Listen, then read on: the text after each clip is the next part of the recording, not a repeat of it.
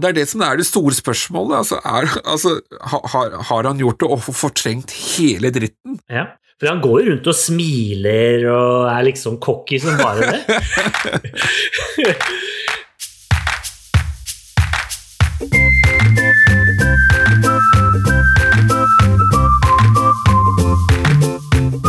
Hjertelig velkommen til ny episode her på Norsk film er.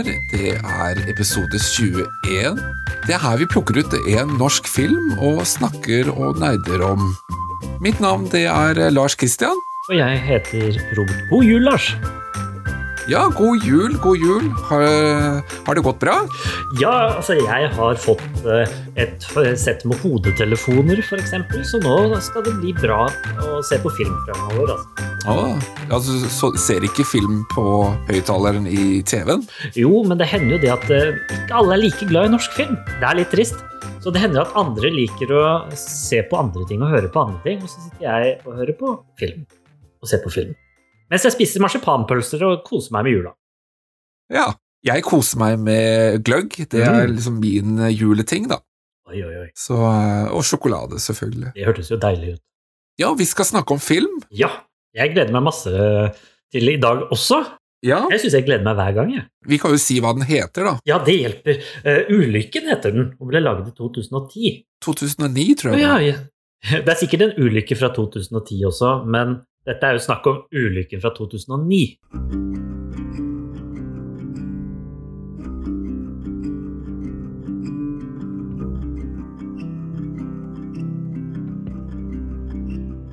Er dette en film du har hørt om eller sett fra før av? Ja, I vår forrige episode så sa jeg at dette her var en film jeg bare hadde hørt tittelen på, ikke noe mer. Men så så jeg filmen, og så slo det meg at jeg har hørt om den i større grad enn det jeg trodde. Men jeg har aldri sett den før. Jeg har sett den her før, men det er ikke så fryktelig lenge siden jeg så den for første gangen. Jeg lurte jo litt på om du egentlig var statist i denne filmen. jeg. Ja, det, det, kunne jo være det, men det, det, det, har jeg altså ikke. Selv om den faktisk er filmet i kommunen hvor jeg bor i. Det er jo nærmest bakgården din, det her, Lars. Ja, det var jo veldig moro å se alle de stedene som den er filmet. Jeg kjenner jo igjen omtrent alle stedene, så det, det var veldig artig, da. Mm, jeg, jeg, tenkte på det samme. Altså, selv om jeg ikke har vært så mye i Drammen da, som denne her er spilt inn i, så eh, har jeg vært nok i Drammen til å kjenne meg godt igjen eh, overalt, egentlig. Hvorfor valgte du denne filmen, da, Lars? Det er et godt spørsmål. Ikke for lenge siden har vi snakket om Flåklypa, som på en måte ligger for mange på toppen av uh, den beste filmen i Norge. Uh, så jeg tenkte liksom, hvorfor ikke bevege oss helt ned i bunnen? uh, og, og, se hva som ligger der nede. I hvert fall ut ifra hva mange, eller noen, mener og sier og har stemt frem, da, så ligger denne her et stykke ned på listen, da. Og så er det også dette her en film som ja, vi nevnte i stad, den er jo filmet i Drammen, så det er jo litt spennende og artig en annen ting med denne filmen, det er jo at jeg ble jo anbefalt denne hva skal jeg si, anbefalt i gåseøyne av en uh, tidligere kollega. Ja, han kaller seg for Limbolover. uh, og uh, han hadde sett den her og mente at jeg burde se denne her. Ja, så det, det var egentlig der jeg oppdaget denne filmen, og alle kollegaene vi så jo denne her, og vi hadde veldig moro den sommeren, og vi prata om denne her på den tiden, Det var også da jeg begynte å komme med ideen med podkasten, så denne her har jo egentlig ligget litt og sånn og ruga og venta på seg, da. Ja, nettopp. Helt til nå. En liten jule, ekstra julegave til, til alle som lytter på. Så vidt jeg vet, Lars, så er den jo fullfinansiert av næringslivet i Drammen. Lokal skuespiller er det, og ja, Rune Temte. Rune Temte står jo bak, ja. Eh, selv om det ikke er han som er regissør, så er det jo han som produserer filmen. Og det, de hadde da fått inn 2,9 millioner fra næringslivet, pluss at de hadde fått da 1,1 million kroner i det de kalte for arbeidskreditt. Og i da dette intervjuet med da Rune Temte, så, som for så vidt VG skrev da i 2009, eh, så sto det at alle sammen hadde fått lønn for jobben i filmen, med unntak av Rune Temte selv og da hans medprodusent Torleif Haug. Poenget her er at dette her er en film som er liksom Den er, Den mangler kanskje 10 millioner i finansiering. Ja. Ikke sant? Så det, det, det er klart at det sto noe om Det var en, en sak også om i 2009 at det var en del filmer som ikke hadde tid til å vente på liksom det å søke om å få midler. Det er den artikkelen jeg da leser, da, at norske filmskapere da var på hugget, heter den. Istedenfor å vente på å få tak i disse pengene, så har de da gått inn og finansiert selv. Fordi at Norsk Filminstitutt og tilsvarende pengegivere er for treige, da, rett og slett. ja, nettopp. Og de hadde en fortelling, Rune Temte hadde en fortelling som han ville få fortalt. Ja. Men det blei film ut av det, Ja, og den er jo regissert av en Marcelino Marcellino Martin Valiente. aldri hørt om. Det høres veldig italiensk ut, da. Jeg har jo sjekket han opp lite grann, og jeg kan ikke se at han har regissert en eneste annen film. Dette kan ha noe med mottagelsen for denne filmen å gjøre. Det er jo klart, Hvis, hvis denne her hadde dratt av skikkelig, ikke sant, så hadde det jo Så kunne dette vært hans virkelig store gjennombrudd. Ja, ikke sant? Og så ble det det motsatte. Det ble hans eh, salmesang. Nei, hva heter det for noe? Svanesang. Ja, vi har jo nevnt Rune Temte er jo da hovedkarakteren, men så er det jo noen andre skuespillere, i hvert fall én. ja, Sven Nordin. Han kommer vi vel ikke utenom. Han er med som sjefen, og så er det en Trine Wiggen, som også er et kjent teaternavn, i hvert fall. Ja, hun er jo aktiv fremdeles. Ja da. Du har jo han frukthandleren eh, er jo med. Han heter Hassan Briani, Ja, eller noe sånt. Ja. det er Sven Nordin som skulle være et trekkplaster her. Han er skuespillerrojaliteten, på en måte, som, Ja. som skal være med å eh, gi denne filmen Tyngde. tyngde. ja. Litt mer pondus. Det kan jo hende at det var der eh, budsjettet gikk til, da. Sven Nordin fikk 3,5 millioner, og de andre fikk ingenting. Vi kan le mye av denne filmen, men eh, vi skal snakke om den på en seriøs måte. Ja. Men eh, hvor kan man se denne filmen? Det har jeg også lurt litt på. Hvor du kan se den nå, så tror jeg du må på DVD-markedet, altså. Jeg fant ikke noe streamingtjeneste på den her, så DVD og diverse eh, bruktmarkeder og Finn og så videre, det er jo egentlig der du må ut på for å finne den her. Jeg, jeg så den lå på Finn eh, for salg, så du finner den der hvis du er heldig. Apropos det, altså, dette her er en film som er litt vrien å få tak i av den enkle grunnen at den ble aldri populær. Jeg veit ikke om den kom på kino utover Drammen kino i det hele tatt. Jeg tror ikke det, og jeg tror ikke den gikk så veldig lenge på Drammen kino heller, av Nei. det jeg har hørt. Nei, og det, grunnen til at jeg tenker dette her, er jo fordi at for det første, den ble vist på filmfestivalen i Haugesund, som da var Amanda-festivalen, i 2009, og ble ikke spesielt godt tatt imot. Og når jeg går inn i Film og kinos årbok fra 2009 om alle norske kinofilmer, så er det 22 filmer, og ingen av de er Ulykken. Nettopp.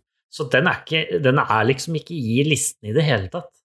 Så den, den har på en måte blitt stående igjen som en sånn kultfilm på, på litt feil måte. Og, og det er litt trist, kanskje, fordi at i 2009 så gikk vi på kino som vi aldri før hadde gjort, eller det, det stemmer jo ikke helt, da, men som vi ikke hadde gjort siden 1985. Med unntak av 2003. Så altså, det var 2003 som var bitte litt høyere, og så var det 1985 som var neste. Det var et bra år, altså. Ja. Der har du eh, sjekket ut litt eh, på hva som er i utlandet. det, det er jo massevis av filmer. Altså, 2009 er et sinnssvakt filmår. Det er blockbuster på blockbuster på blockbuster med svære, digre regissørnavn bak seg. Vinneren for beste film heter The Hurt Locker. Den vant jo Oscar for beste film, og eh, Catherine Biglow vant for director. Men den som kom på en av de andre, var jo da Avatar. James Cameron. Ah, ja, det er jo faktisk ganske aktuelt i år. Ja, det er jo det, ikke sant? Den har jo akkurat kommet ut med en oppfølger her tidligere i måneden. Ja, etter hvor mange år eh, Det blir jo 13 år, da. Eller så var det jo Inglorious Bastards, Quentin Tarantino, kom jo ut. Up in the Air med George Clooney. Eller hva med animasjonsfilmen Up, for eksempel? Ja, Eller Pixar. Eller, ja, Pixar. Eller Coen-brødrenes A Serious Man. Så dette her er et år med veldig mange tunge filmer. Ikke sånn tunge som at de er slitsomme å se på, men eh, tunge navn, da. Blockbustere. Og så vil jeg også nevne et par ting ifra utlandet. Altså ikke i USA, men utlandet for Norge. Og det er en film som ble eh, nominert for beste utenlandske film, som heter Das Weise Band, eller The White Ribbon.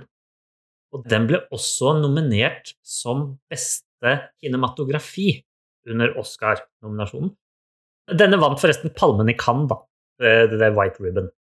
Men den ja. som vant Oscar for beste fremmedspråklige film, er en litt spesiell film, og det er litt kult, som heter The Secret in Their Eyes på engelsk, eh, eller El Secreto de sus Oihoyos, eller noe sånt på spansk, som handler om en eh, rettsarbeider og denne rettsarbeiderens sjef i 1974, som da undersøker en mordsak, en voldtekt og et mord, og så møter de hverandre igjen 25 år etterpå, og det er hva som skjer med dem da i de 25 årene etterpå. Så går dette parallelt.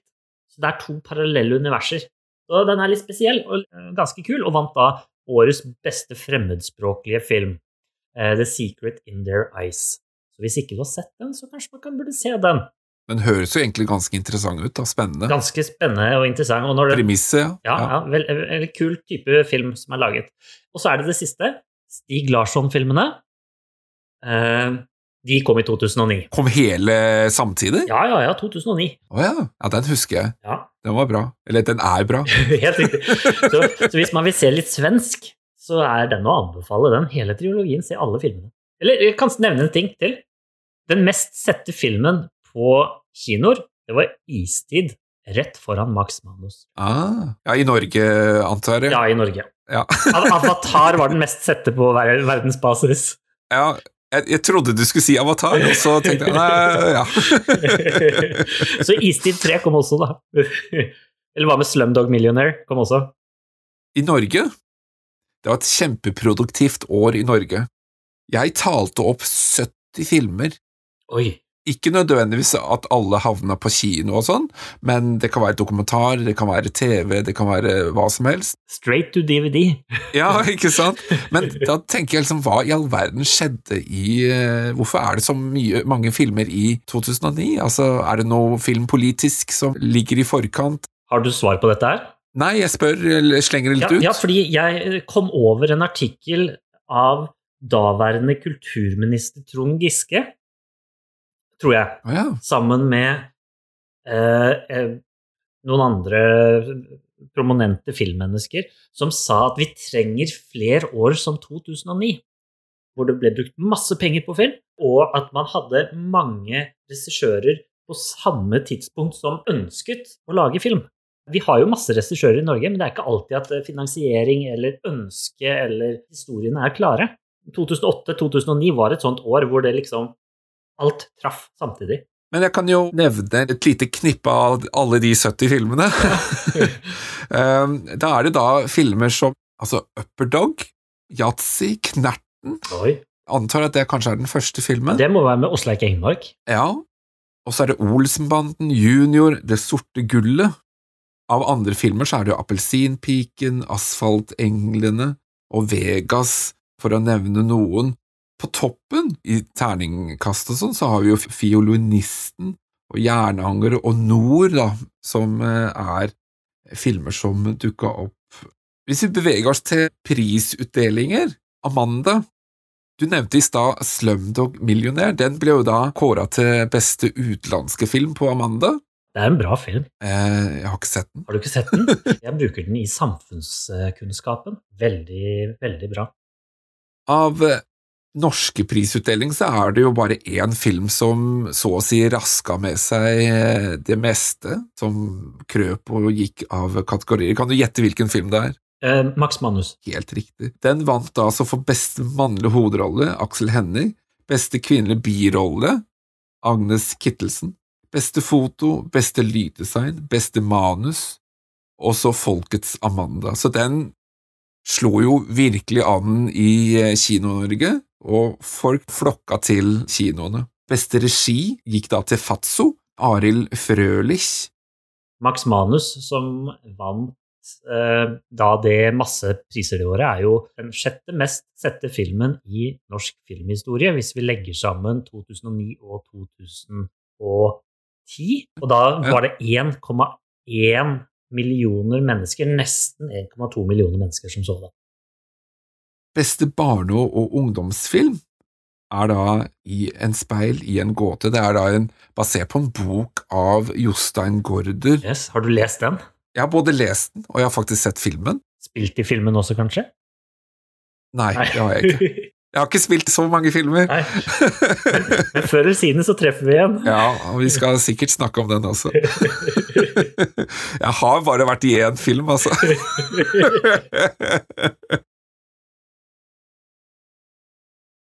Sølvklumpen, der er det da Upper Dog som Mm. fikk for beste kinofilm. Har du sett Upper Dog? Jeg har sett Upper Dog, ja. Navnet dukker opp så mange steder, og jeg aner ikke hva det er for en film, så jeg begynner å lure på om det er den filmen jeg skal velge neste gang. Ja, hvorfor ikke? Det er en fin film, det. altså. Det er lenge siden jeg har sett den. altså. Ja, nettopp. Beste barnefilm for Sølvklumpen og Bestevenner. Vi kan også gå videre til Filmkritikerprisen, Mm. for der er det da en film som heter De uskyldige av Erik Poppe, og den fikk for beste film, men den fikk også for eh, Amanda for beste musikk og beste klipp, så her er det priser som har gått i øst og vest. Og til slutt så er det da en, en pris som heter Terje Vigen, hvor da en dokumentarfilm av Hanne Myhren som heter Kontroll. Det er en kortfilm. Og grunnen til at vi på en måte nevner alle disse her, er jo fordi at 2009 er et uvanlig godt norsk filmår. I hvert fall når det kommer til kvantitet. 2009 var det året hvor det for første gang ble spilt inn på norske kinoer for 1 milliard kroner i kinoinntekter. Du, hvem er du egentlig? Jeg går med posten din. Roy kan masse.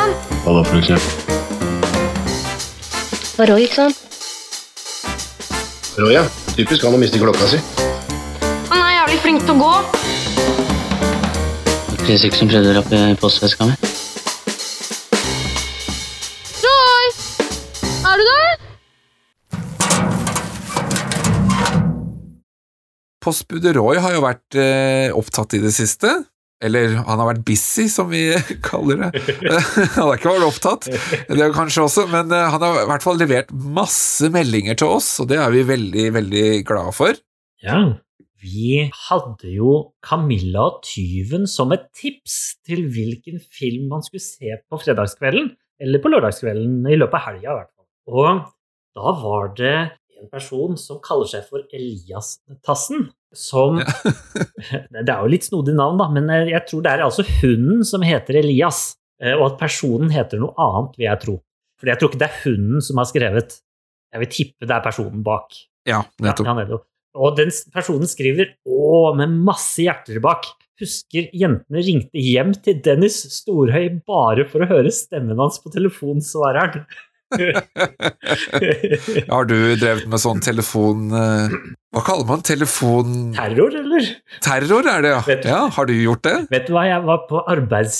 Nei, nå kommer det fram, vet du. Jeg var på arbeidsuke på NRK en gang. og Da husker jeg det var Nytt på Nytt-innspilling. Og da sneik jeg med meg en kjøreplan fra Nytt på Nytt, og der sto jo alle telefonnumrene. Så det jeg drev og ringte litt til noen av dem. Tør du å si hvem du ringte til? Jeg eh, har ringt til eh, flere av dem, la oss si det sånn. Eh, Knut Nærum kan godt være at han har fått en telefon. Men jeg var innom et annet sted også, der Team Antonsen var, og raska med meg den kjøreplanen også, og ringte Harald Eia. Han var ikke mye fornøyd. Nei. Han er ikke så gøy på privaten, altså. Nei, men vet du hva den eh, telefonsvareren til Dennis Storhøy sa? Nei. Eh, Hei, du har kommet til Dennis og Mona. Og da turte de ikke å høre på mer. Nei.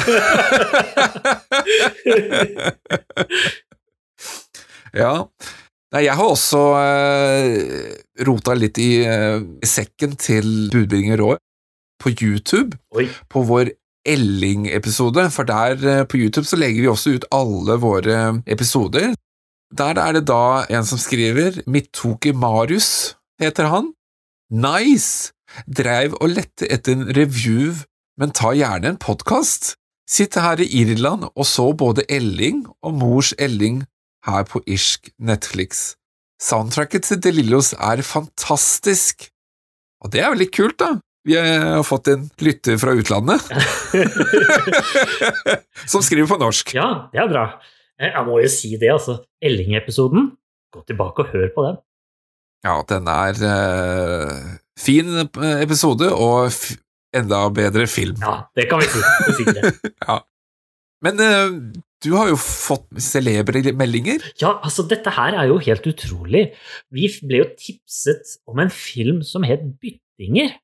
Og tror du ikke at den satte fyr på Instagrammen ved at Julie Winge, som spilte Anne-Berit i den filmen, svarte?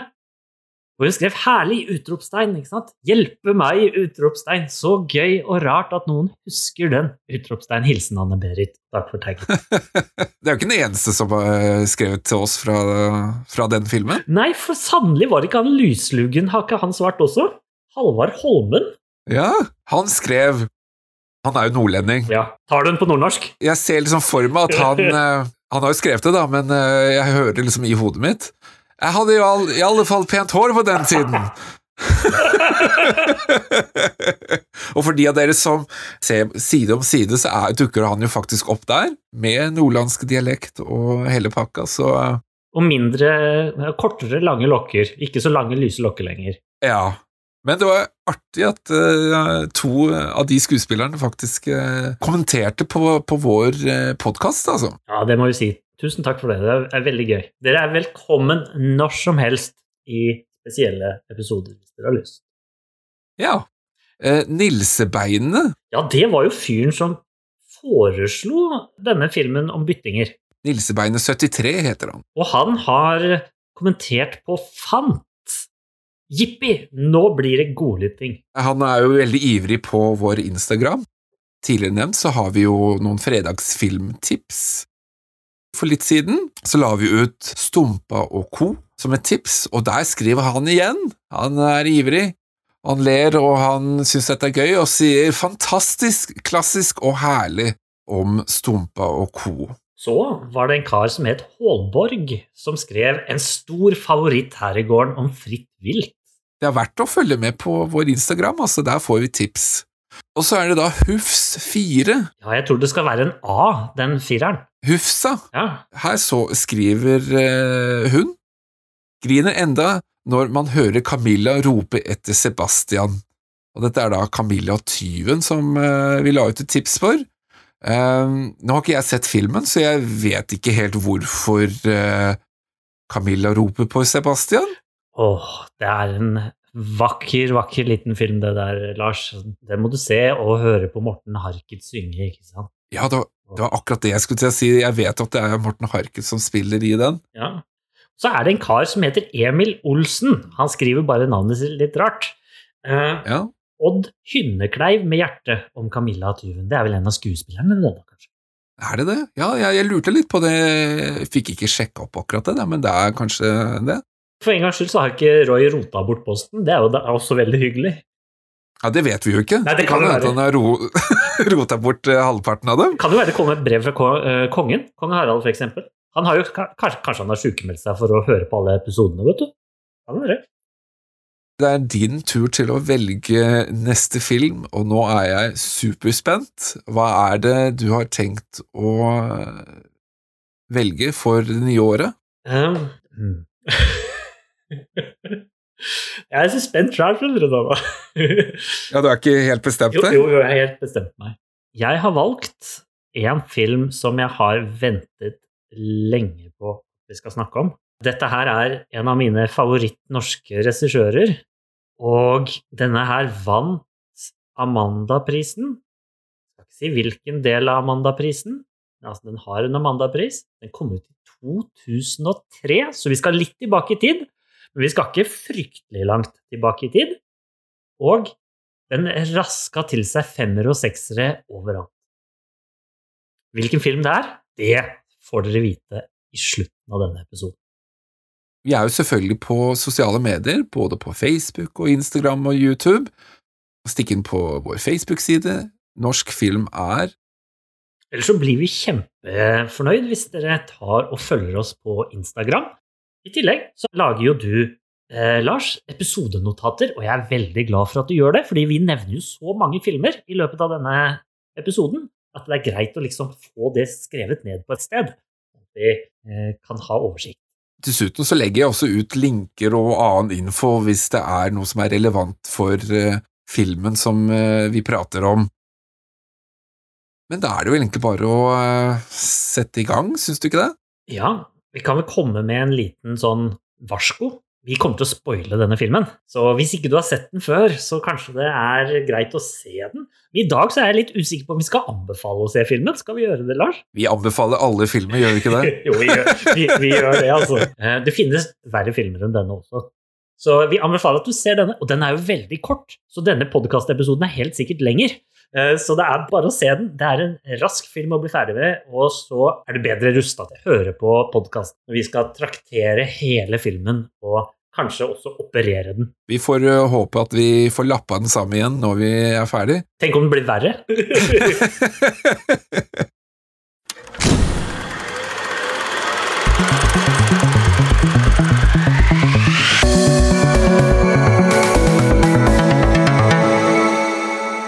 Men um, hva handler den egentlig om? Filmen handler om en ulykke, derav navnet Ulykken.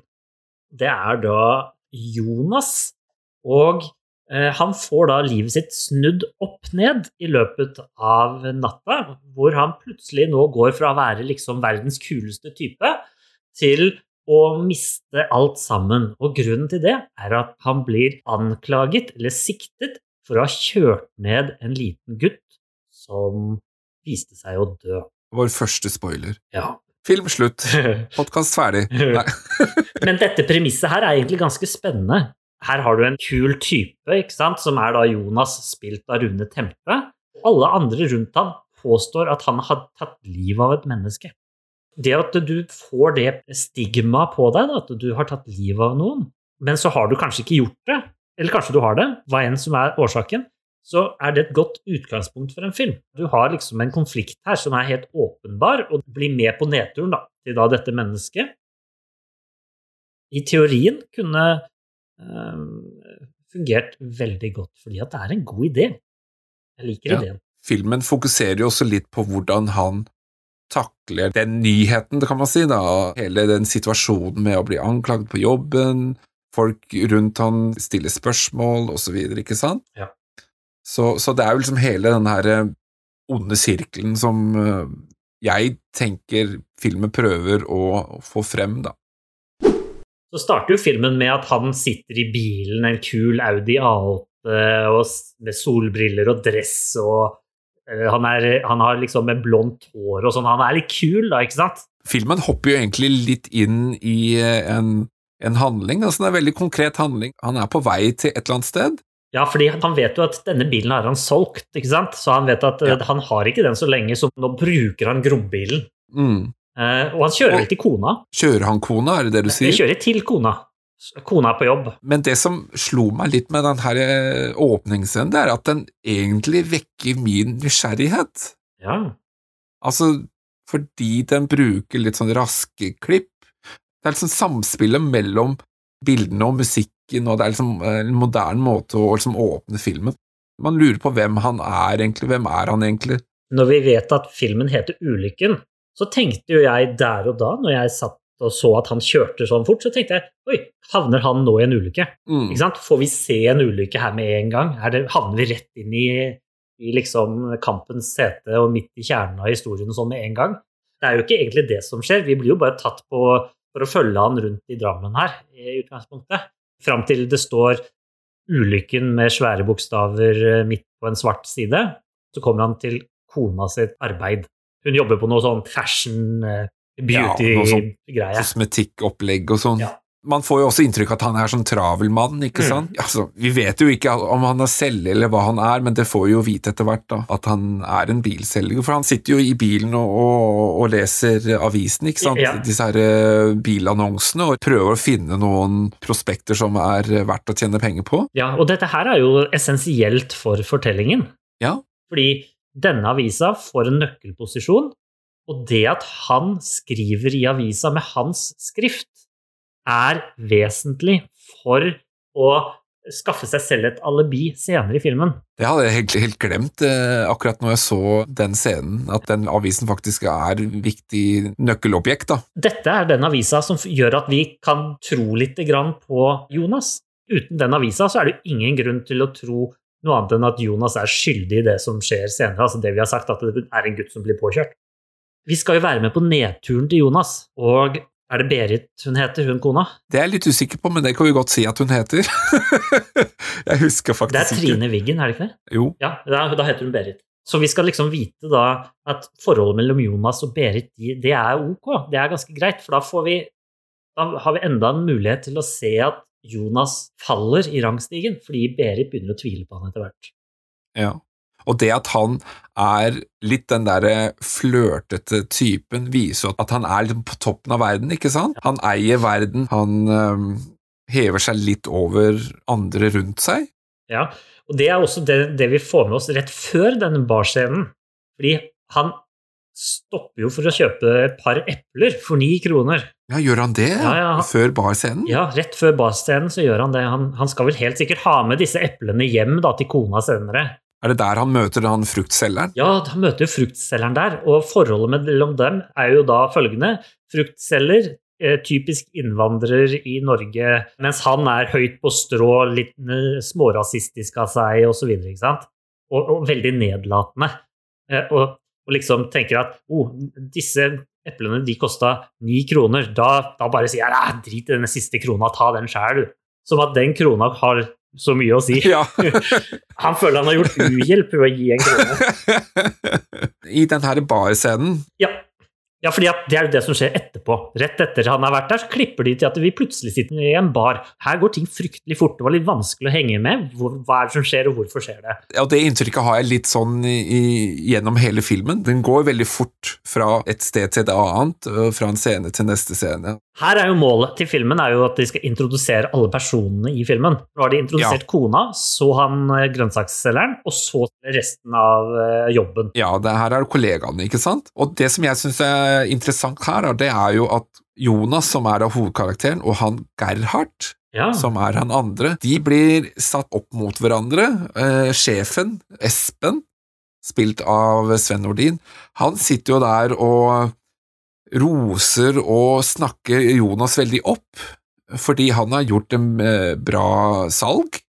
Han har jo solgt denne A8-en han driver og kjører rundt i. Ja, slange inn en skiboks for å få solgt den. Ja, ikke sant? Og så det midt på sommeren, da, gitt. Ja, ikke sant? Så sjefen er jo veldig imponert over Jonas, og så er det Så snakker de om provisjon. Ja, de snakker til og med om provisjon og bonus, og de tuller og tøyser litt Ja, om eh, at Og, og, og det er jo snakk om her om han skulle ha 1% eller 2% provisjon, og da sier Espen da som sjef å, da må jeg ha vært godt humør, så må vi gi 2% provisjon. Ja, ikke sant? Men det er jo klart, Ja, ja. på en, en million kroner så er jo det 10 eller 20 000 kroner. Ikke sant? Så det er ganske stor, stor sum penger, dette. Det, det er det, altså. Og så er det det at uh, Gerhard han blir jo liksom dratt litt ned, for han har jo ikke gjort det så bra i det siste. I hvert fall. Uh, de ble liksom satt litt sånn opp mot hverandre, ikke sant. Den ene er bra, den andre er dårlig. Og så er det jo den derre rosepusheren som plutselig dukker opp. Og her er det også litt sånn som vi snakka om i stad, at eh, Jonas hever seg litt over andre og Spesielt utlendinger som ikke kan norsk og sånn. Ja, for han oppfører seg litt nedlatende mot den roseselgeren. Ja, og, Eh, men- veldig men- høyt. Ja, men er det fordi at han oppriktig ønsker å være jovial og hyggelig, eller er han egentlig bare en drittsekk? Ja. ja, det vet vi jo ikke.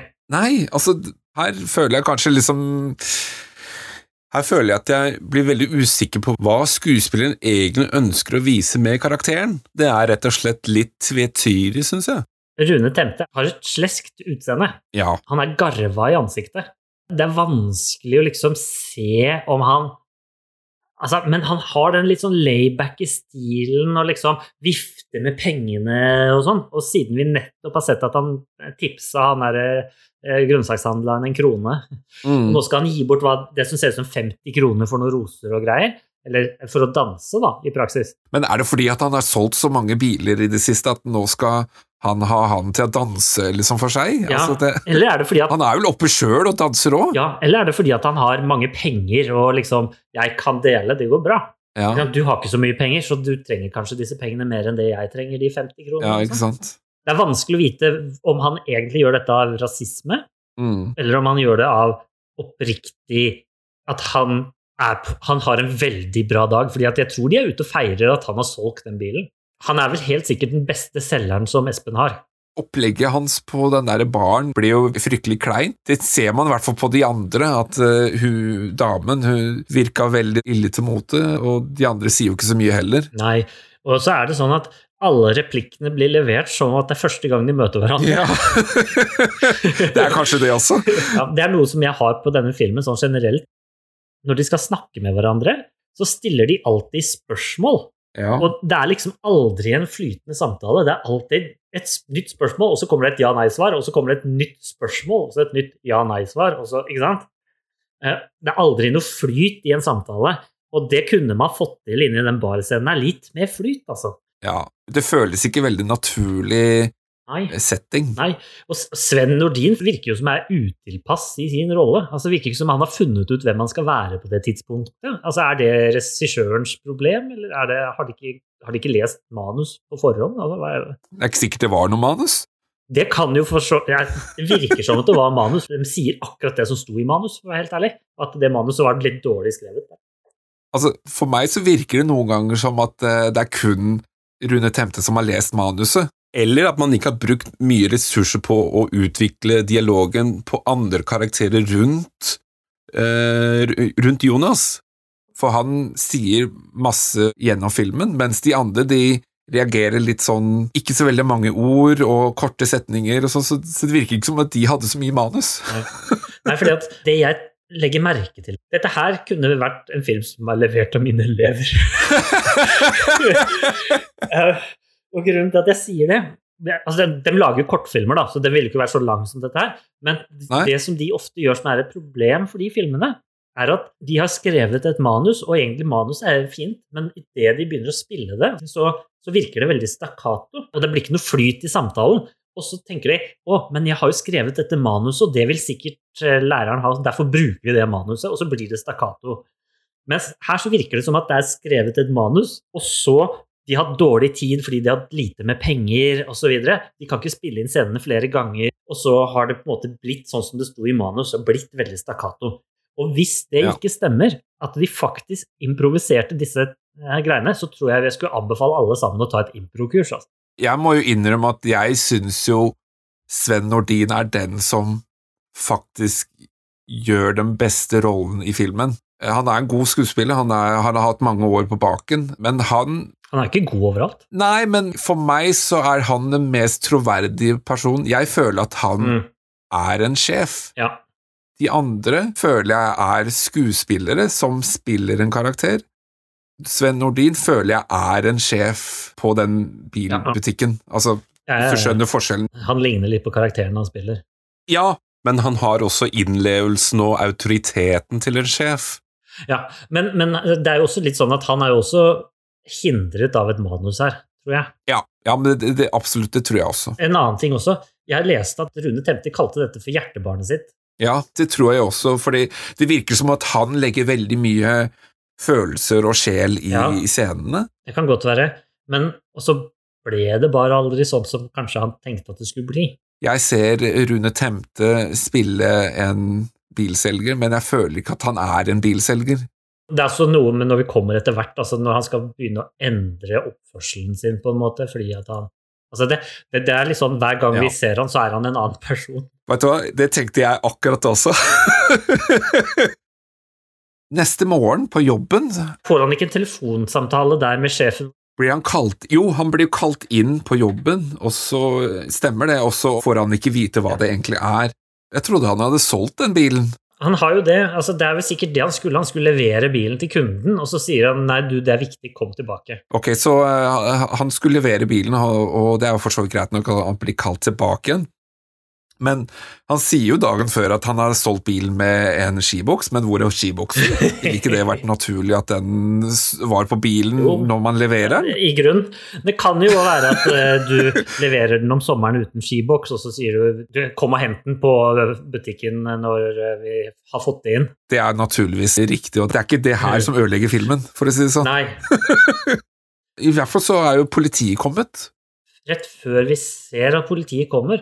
Fordi han sitter jo på kontoret til Espen, og der holder han avisa i hånda.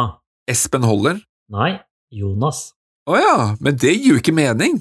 Det gir mening hvis filmen skal si at Jonas har tatt livet av gutten. Men du sier at Jonas har den avisen i hånden, Yes, og han har tatt den fra bilen, yes. men seinere så påstår han at det er sjefen som har tatt den ut av bilen og lagt den på kontoret sitt. Ja, men nå er det Jonas som sitter med den i hånda på kontoret til Espen, på sjefens kontor. Og det er 100 sikkert den avisa, fordi det har samme eh, sirkler rundt riktig sted. Men, men tok han den sjøl fra bilen, eller, eller tok han den opp fra kontoret? Oh, ja, eh, det, altså det, skjønner, vil, skjønner du poenget mitt? jeg vil jo tippe han hadde den i Vet du hva? Den tar han jo selv fra bilen.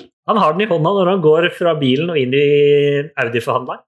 Men, men da holder jo ikke den historien som eh, dukker opp seinere. Det er det som er poenget mitt. Fordi at hvis det klikker for Jonas fordi at han har kjørt på denne gutten og på en måte fortrengt fortellingen, og begynner å dikte opp en forklaring, og så har han helt glemt at han har tatt den med seg inn, i, inn på kontoret. Det er jo egentlig litt interessant, men Hvis han har gjort det. Fordi han prøver jo å bruke dette her. Altså, jeg, det er noe jeg har tenkt på. Hvorfor i all verden gikk han ikke med denne Hvorfor tok han ikke kontakt med en advokat og gikk til politiet med denne ideen Ja. om avisa? Ikke sant? ja, ja, ja. ja. Dette her er tingen. Når du så filmen første gangen, tenkte du at Jonas kjørte ned gutten, eller at det var Espen som hadde kjørt ned gutten? Jeg må innrømme det svinger litt fram og tilbake. I starten trodde jeg det var Jonas, og etter hvert så tenkte jeg kanskje det kunne være Espen. Altså, det, det, det er dette som jeg syns er det mest interessante med filmen. Vi vet ikke. Jeg tror avisa avslører det. Ja, at det er, eh, at det er Jonas. Ja. Men jeg lurer på om det er tiltenkt at det skal være sånn, eller om det er bare en, en glipp i produksjonen. Fordi når jeg har sett filmen igjennom, så tenker jeg på slutten da, så virker det jo som at det er sjefen som har gjort det. Ja, ikke sant? Altså, for han er ganske shady, og, og han driver og trikser og mikser med forsikringen og prøver å pushe eh, han eh, han er bruktbilforhandler, da. Ja, Det er jo litt vanlig å være litt sånn shady. Jeg har i hvert fall hatt eh, kontakt med masse shady folk i sånn bilbransjen. Men mot slutten av filmen så heller jeg jo mot uh, at det er sjefen som har gjort det. Men her så, så faller jo helt den teorien til grus, da. Jeg trodde også det var Espen hadde tatt bilen og råkjørt og liksom lagt skylda på Jonas.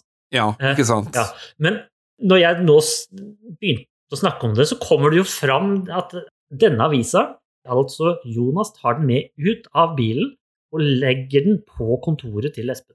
Jeg regner med at den blir liggende der òg, for han sier jo at han lot den ligge i bilen. Ja, det gjorde han jo ikke. Nei, den har han tatt med seg 100% sikkert. Og nå er jo spørsmålet, hvordan tror du de har spilt inn denne? Tror du de har lånt Albrek fem dager? Jeg tror de har lånt Albrek én dag, og så spilt inn alle Albrek-scenene samme dag. Ja, ja, det tror jeg også. Ja. I hvert fall sammenhengende. Og det betyr at han har tatt med seg den avisa samme dag som han har oppdaga den avisa på vaskedama sin tralle. Så det er jo noe de har tenkt og gjort bevisst samme dag. Derfor tror ikke jeg det kan være en tilfeldig feil.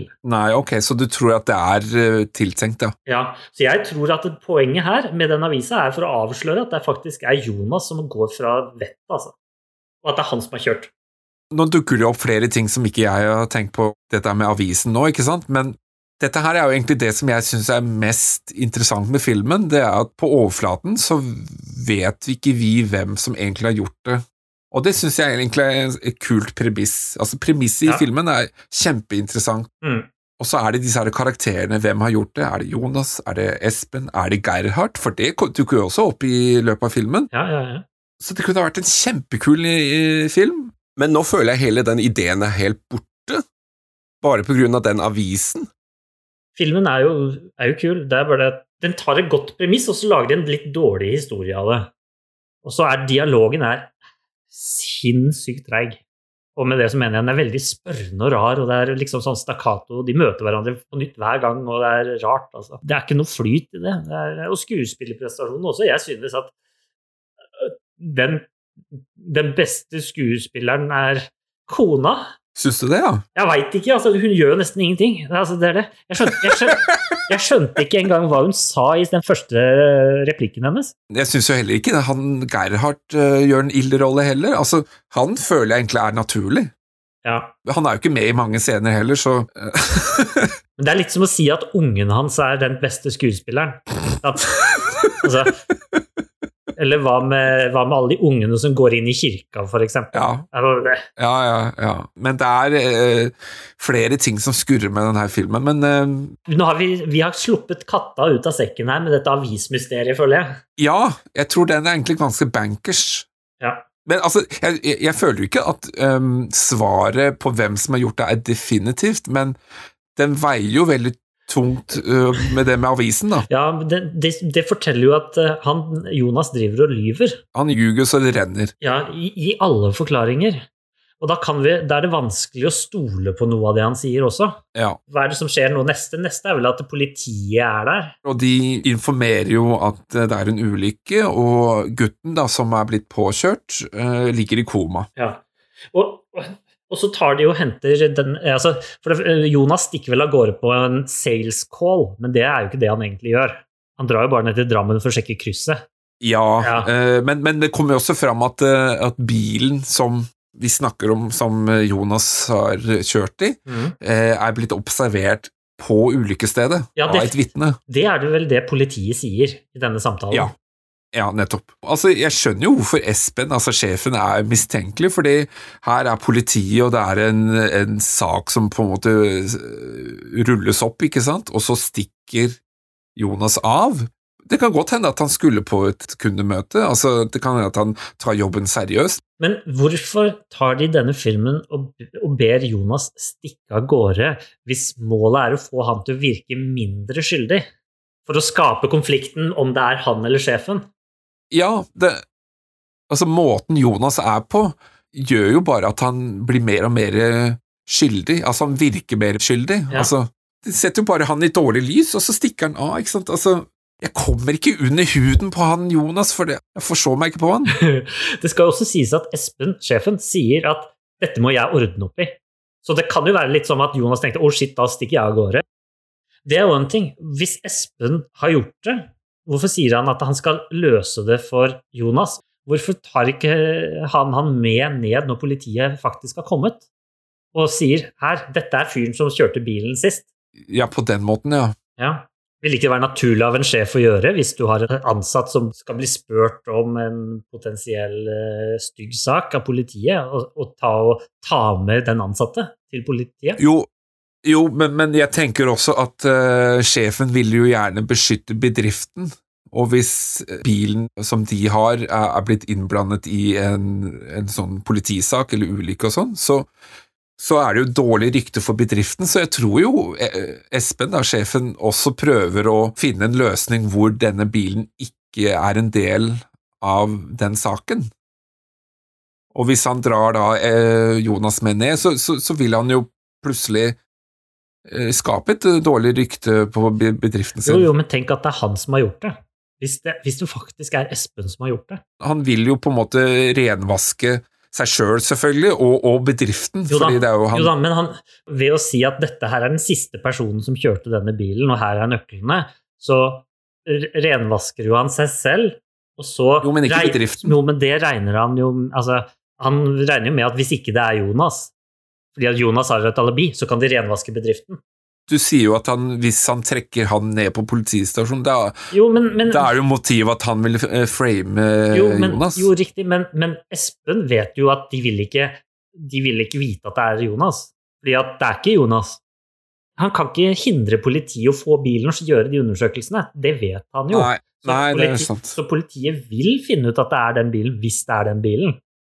Og da er det bedre at han har sørget for at det er Jonas, Sånn at de kan på, på en måte si at jo, da må det være noen som har vært her og brytt seg inn, eller klart å lure seg inn, eller før de stengte og gjemt seg og tatt bilen etter stengetid, eller altså ikke sant, sånne type ting. Du nevnte jo i stad at eh, Jonas stikker jo av, og så er vi jo nede i byen, Ja, på det åstedet.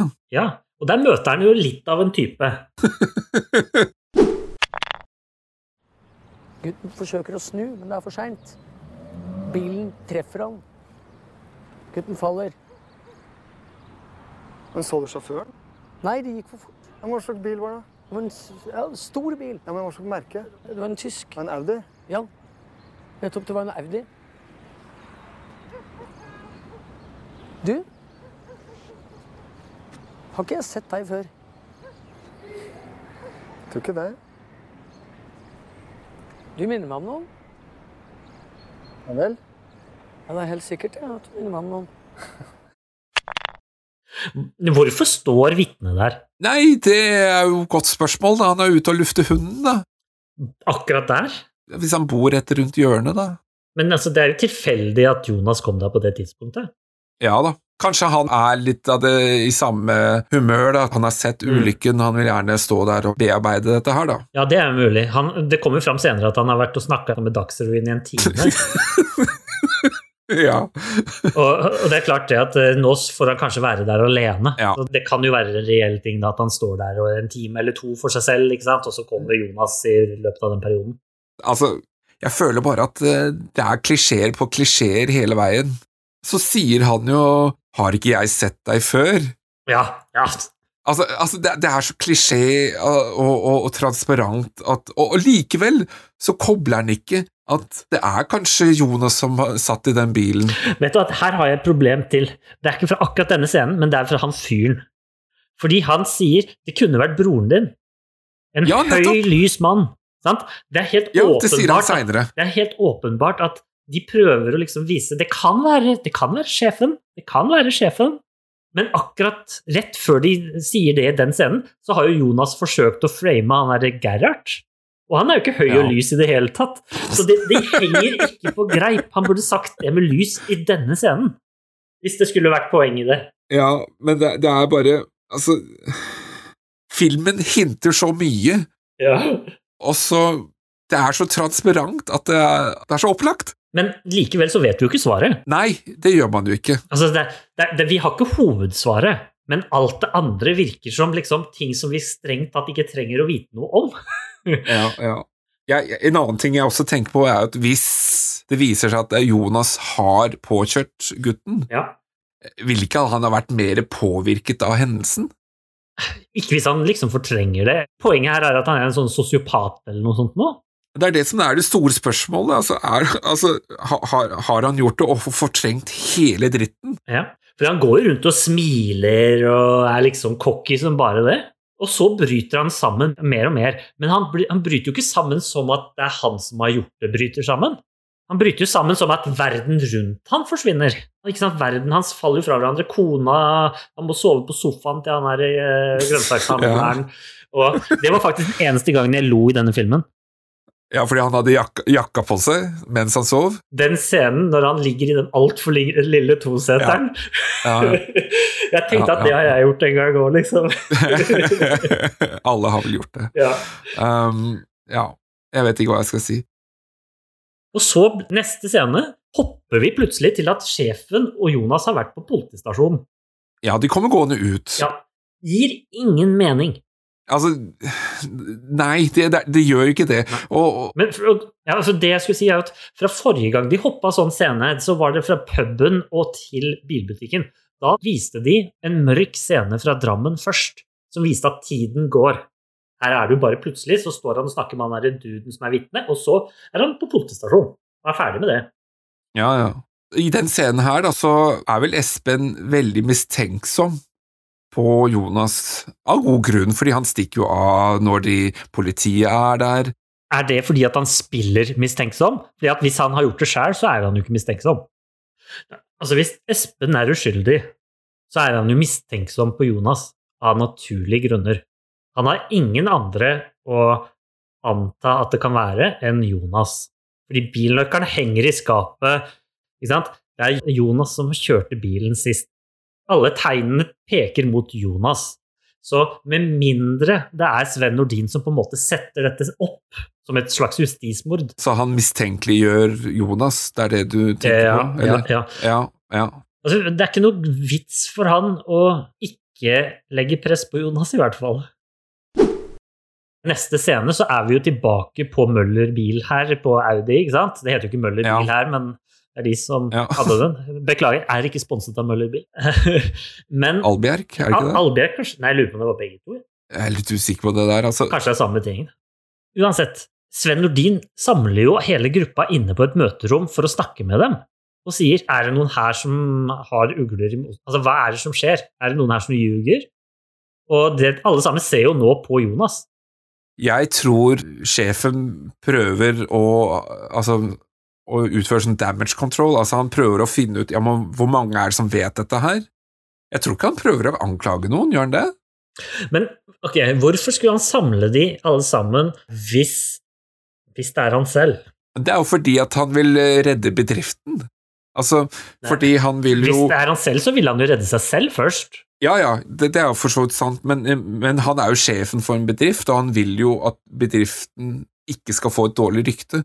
Og han spør jo ja, men hvem på bedriften er det som vet dette. Ok, ok, det er bare oss, ikke sant? Man spør vel er det noen her som har noe de ikke har fortalt. Dere sitter ikke her og sier at det var jeg som kjørte ned gutten? Det er det dere tror? Vi tror ingenting, Jonas. Vi prøver bare å forstå. Men det er ikke bilen vår. Vi kaster bort tida. Dette her er et komplott fra Iversen. Hva er det du sier? De prøver å knuse oss. Dette her er et komplott. Nå må du ta deg sammen, Jonas. Dette har ingenting med konkurrenten å gjøre. Ja, for alle ser jo på Jonas. Ja, ikke sant? Og Jonas, nei, men det er jo ikke meg. Jeg har, jeg har ikke gjort noe. Det er Iversen! Det er Konkurrenten Iversen, vår. Iversen over veien som selger biler for 20 000 kroner. Og det styrker jo ikke hans troverdighet at han kommer med sånne Nei. litt sånn tvilsomme teorier, fordi det er jo tydelig at han prøver å slippe unna. Men tenk litt på det her. Hvis Jonas nå, nå Nå tror jeg at det er Jonas som har gjort det. Ja. Men sett at Jonas ikke har gjort det, og han sitter her nå, og de andre ser på han, og han begynner å tenke Ok, hvis alle de der som står i dette rommet, er uskyldige, og de mener at det er meg, og jeg er uskyldig, hvem kan det da være? Kan det være naboen, rett og slett? Han shady typen som han Iversen, liksom? Iversen hadde en alpe, han òg. Kunne det være han, eller? Den bilselgeren som er enda mer shady. Ja, ikke sant?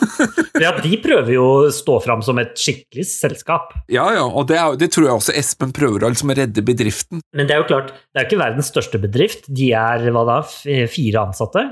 Eh, Og hvis du da mister Jo, de er flere. Oh, ja. Fordi han spør jo damen for å kartlegge hvem er som vet dette, og så sier hun jeg har snakket med bruktbilgutta, de vet Ja. ikke. Nei, det er sant. Det er sant. Han Gerdhard han sier jo verkstedet har snakket med, de vet heller ikke noe. Så sjefen prøver liksom å holde denne saken blant de, de fire som er i rommet. Ja, ja, ja. Og så er jo spørsmålet, da, hvis hun har snakket med bruktbilgutta, vil det si at de fire, eller tre, da, foruten Mm. sjefen, er de da nybilselgere? ja. Hvis det stemmer, da, hvorfor sitter Jonas og ser på bruktbilannonser da, hvis han er en nybilselger? Eh, kanskje altså, Altså, det kan jo være rett og slett fordi han gjør flere ting for bedriften. Skaffer bruktbilselgerne Ja. flere biler og det, mulig. det kan godt hende. Altså, at, Jeg jeg, jeg ser ikke bort ifra at det er det han gjør. At han liksom De bruktbilgutta, de selger bilene, ikke sant? Mens de her prøver å få inn litt ekstra biler og Det er ikke umulig. dette er også et poeng jeg kommer til med altså, hvem er egentlig Jonas? Hva slags bilselger er han? Fordi jeg føler ikke at han ter seg som en bilselger. Har du gjort noen tanker rundt det? Hvis du går på en, en bruktbilbutikk eller nybilbutikk, så er det ofte litt sånn sleske typer som har et litt sånn sleskt smil. Jo, jo, Ikke sant? det, det, det er jo det, det er greit. Og så går Altså, sånn går de i dress, og de prøver liksom å øh, dytte prakke på deg masse dyrt ekstrautstyr som du ikke har lyst på og absolutt ikke trenger. Altså det, mm, det er som å selge setevarmere setevarmer i Sahara, ikke sant? Ja, ja. Jo da. Og, og han er nok en sånn type som liksom bare lyver for hva som helst, fordi at det er det han er vant til å gjøre i jobben, liksom. Uten å si at alle bruktbilselgere eller nybilselgere for den saks skyld er sånn, men han er liksom en karikert versjon, føler jeg, av, det, av, en, Ja. av en sånn type. Og, og, og så selger han liksom de mest eksklusive bilene som er der, blant annet. Litt av denne fruktselgeren som sier at 'hvilken kul bil er du i nå', liksom. Som, som åpenbart er at han selger fine Audier og fine Volkswagen og sånt noe. Jeg syns det var veldig rart det der at han dreiv og leste bruktbilannonser hvis han kun selger nye biler. Jeg, jeg syns det var rart. Også det der at han drar ned i byen for å møte kunder. Jeg tenkte jo i utgangspunktet at ja, men kommer ikke kundene i butikken? Ja, det, ok, Men det kan jo være firmaer og sånn. Ja, men jeg har faktisk uh, researcha litt på det, og det er ikke så usannsynlig akkurat det at han søker opp bruktbiler, fordi noen ganger så eh, har de kanskje for få biler i butikken, og de vil gjerne fylle opp eh, slik at kundene har noe å se på, hvis det er det de vil ha. Og det er ikke så usannsynlig at man møter kunder inne i byen også, sånn at man avtaler ja, men jeg kan komme med bilen, og så kan du prøvekjøre der nede, og så møtes vi der. Og husk at hvis du kommer fra Tromsø og skal kjøpe bil i Drammen, så er det jo klart at eh, å bli henta på togstasjonen er ikke så unaturlig. Ja, så, så det er ikke usannsynlig, men den tilbakemeldingen jeg fikk, da, det var at totalbildet av han, Ja. alle disse her tingene samlet, Ja. det, det er det som virker usannsynlig. Hadde det vært en sånn liten butikk ute i Gokk, liksom, en bilbutikk, så er det mer naturlig at man hele tiden jakter på bruktbiler og inn og ut Ja, og ja. møter kundene og sånn, men det er mindre normalt i sånne litt mer prestisjefylte bedrifter, da. Ja, ja. Større bedrifter som det. Ja, ja. Jeg føler ikke filmen helt klarer å bestemme seg. Er han en bruktbilselger, eller er, han en nybilselger? Altså Hvis han er bruktbilselger, så tenkte jeg at han er en perfekte bruktbilselger. han, han ser sånn ut. Han oppfører seg litt sånn, litt sånn Han er en ny karakter i hver scene, føler jeg. Ja, det, det blir verre og verre utover filmen, i hvert fall. Hvis vi godtar ditt premiss om at det er damage control som foregår inni dette møterommet Jeg tror det, ja. Du tenker at det er damage control uansett hvem som har gjort det? Jeg tror at han ønsker på død og liv å redde bedriften, for det er det som er levebrødet hans. Ja, ja. Men hvis sjefen nå ikke har gjort det, Ja, så vet vel han med sikkerhet at det er en av de andre? ja ikke sant? Så han må jo være veldig sikker etter hvert at det er Jonas. Men jeg tror også han er sånn profesjonell at Jeg tror ikke han Han opptrer litt sånn profesjonelt prat etter hvert, at det er viktig at vi nå Nå er det bra om du tar et tre dager ferie eller fem dager fri, og, fordi at det er best for oss alle. Da får du ligge litt lavt og får ikke noe politi på besøk. og Han prøver å holde problemene nede. Ja, ikke sant? Altså, han, han, gjør, han holder problemene ned på en profesjonell måte, tenker jeg, men han kan godt bruke skitne metoder, men, men kanskje ikke så skitne som for eksempel eh, Jonas ville gjort. Mm. Det sånn tenker jeg om sjefen, da. Neste scene så er det jo det at vi ser at eh, Jonas og kona bor i et skikkelig staselig, flott hus. Men her kommer det en rekke scener også sånn fortløpende, altså han er hjemme hos seg sjøl, han kjører til åstedet etterpå igjen. Ja, Og hvem er det han ser på åstedet? Jo, det er han samme vitne, vet du. Han er der hele tida. Da har han hunden. Og det er det som er så teit. Ok, greit nok at uh, Jonas ønsker å kjøre forbi åstedet, for ikke sant? Ja, men han vil liksom se hva som er der, eller Ja, ja. men, men det at han gjør det, det vil jo bare trigge minnet til han vitnet. Ja. Så tenker jeg at det vil jo bare forsterke det vitnet at ja, men det var jo han jeg så. Jeg tenker at det er en idiotisk ting å gjøre. Ja, helt enig, helt enig. Han kjører jo sakte, rolig forbi og ser vitnet, ikke sant, leker med bikkja si og Forresten, den personen som ser ned på fortauet, det er kameramann, fordi at det er verken vitnesvinkel eller, uh, eller Eller han i bilens vinkel. I tillegg, han får øyekontakt med vitnet. Nå skal det sies at her på dette tidspunktet har jo ikke vitnet sagt at det kunne vært broren din med høyt og lyst hår. Han har Nei. ikke sagt det ennå. Så det at han kjører forbi igjen, kan være det som trigger han til å si det i den neste situasjonen. I hvert fall så skjønner jo han at her burde ikke jeg være, så han gir jo på til 1000 bortover. Og så kommer han på, tilbake på jobb, og på jobb så er han for seint, altså, som han pleier, og det er mista et salg eller noe sånt på grunn av han, og politiet er Ja. til stede, og Men altså, jeg, jeg har litt problemer med de scenene her, fordi det kommer en rekke scener hvor det skjer veldig lite av betydning.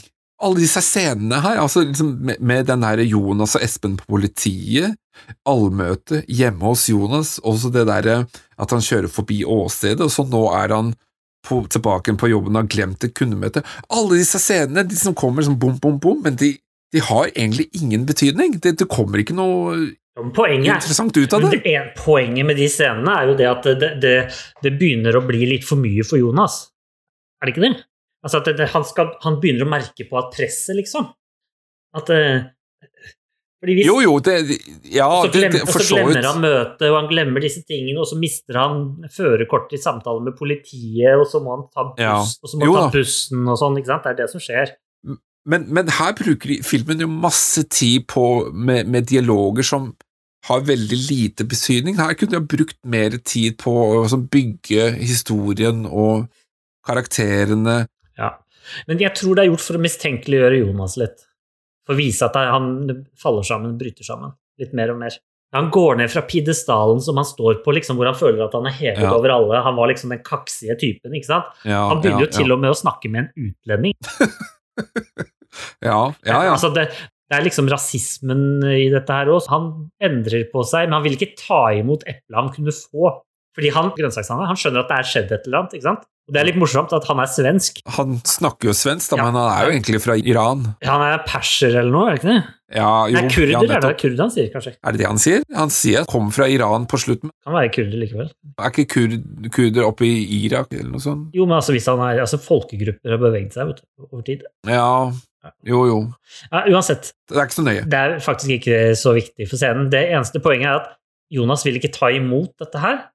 Og dette er for å vise avstanden mellom Jonas og han, grønnsakshandleren. Vi har sett filmen, og vi vet hva som vil skje senere, og dermed så er det viktig at det blir, viser at denne avstanden, selv om det begynner å gå nedover for Jonas, er fremdeles kjempestor. Ja. Han vil ikke engang ta imot et eple, liksom. Ja, ikke sant? Han er for stolt til å Ja. ta imot det. Det er en liten detalj som skjer før det, det at han møter den frukthandleren igjen. Ja, ja vel? Altså siden før, når de fortsatt er på jobben. Ja. Politiet har jo informert om at gutten døde. ja, det er sant, det. Men får Jonas vite det nå, eller er det Ja, bare de andre det. kollegaene som Jo, Jonas får vite det. For han stikker jo av igjen. Ja. Det forsterker jo bare den onde sirkelen av hendelser som eh, Jonas opplever. Men han får jo tidenes tenkerynk i ansiktet. Altså, det er Men det er liksom Altså, han får en sånn reaksjon i ansiktet som å tenke at shit, nå har jeg blitt morder, liksom. Men hvorfor får han det hvis han er uskyldig? Og han vet han er uskyldig? Ja, men det er dette her jeg sliter med i den filmen. Kanskje han ikke vet at han er uskyldig? Altså, han vet han er skyldig, og derfor Å, oh shit, jeg er skyldig, og har tatt livet av noen. Altså, det, det er ikke noe Ja. særlig. Men det som slo meg, da, det var jo at her er det jo gått noen dager, kanskje tre-fire dager. Alle går rundt i de samme klærne. Har du lagt merke til det? Ja, det er sant. Jeg tror følgende Fordi i neste scene etter grønnsakshandelen så sitter han hjemme på sofaen sammen med kona, og de har en drink eller noe. Stemmer. Da sitter han i annet tøy enn det han går med på jobb. Jeg tror at dressen hans og sånn, det er arbeidstøyet hans. Litt som grønnsakshandler. Han går i denne hvite, stripete, blå eh, poloskjorta ikke sant, på jobb, og arbeidsbukse. Eh, Mm. Og sjefen går i denne mørkeblå dressen sin, og hun dama går i hvit skjorte videre på jobb. Altså, jeg tror det er litt sånn. Jeg tror det er arbeidstøyet deres, sånn at de har fle, i teorien flere sett arbeidstøy, og så når de er i sosiale settinger, så har de annet, annet tøy.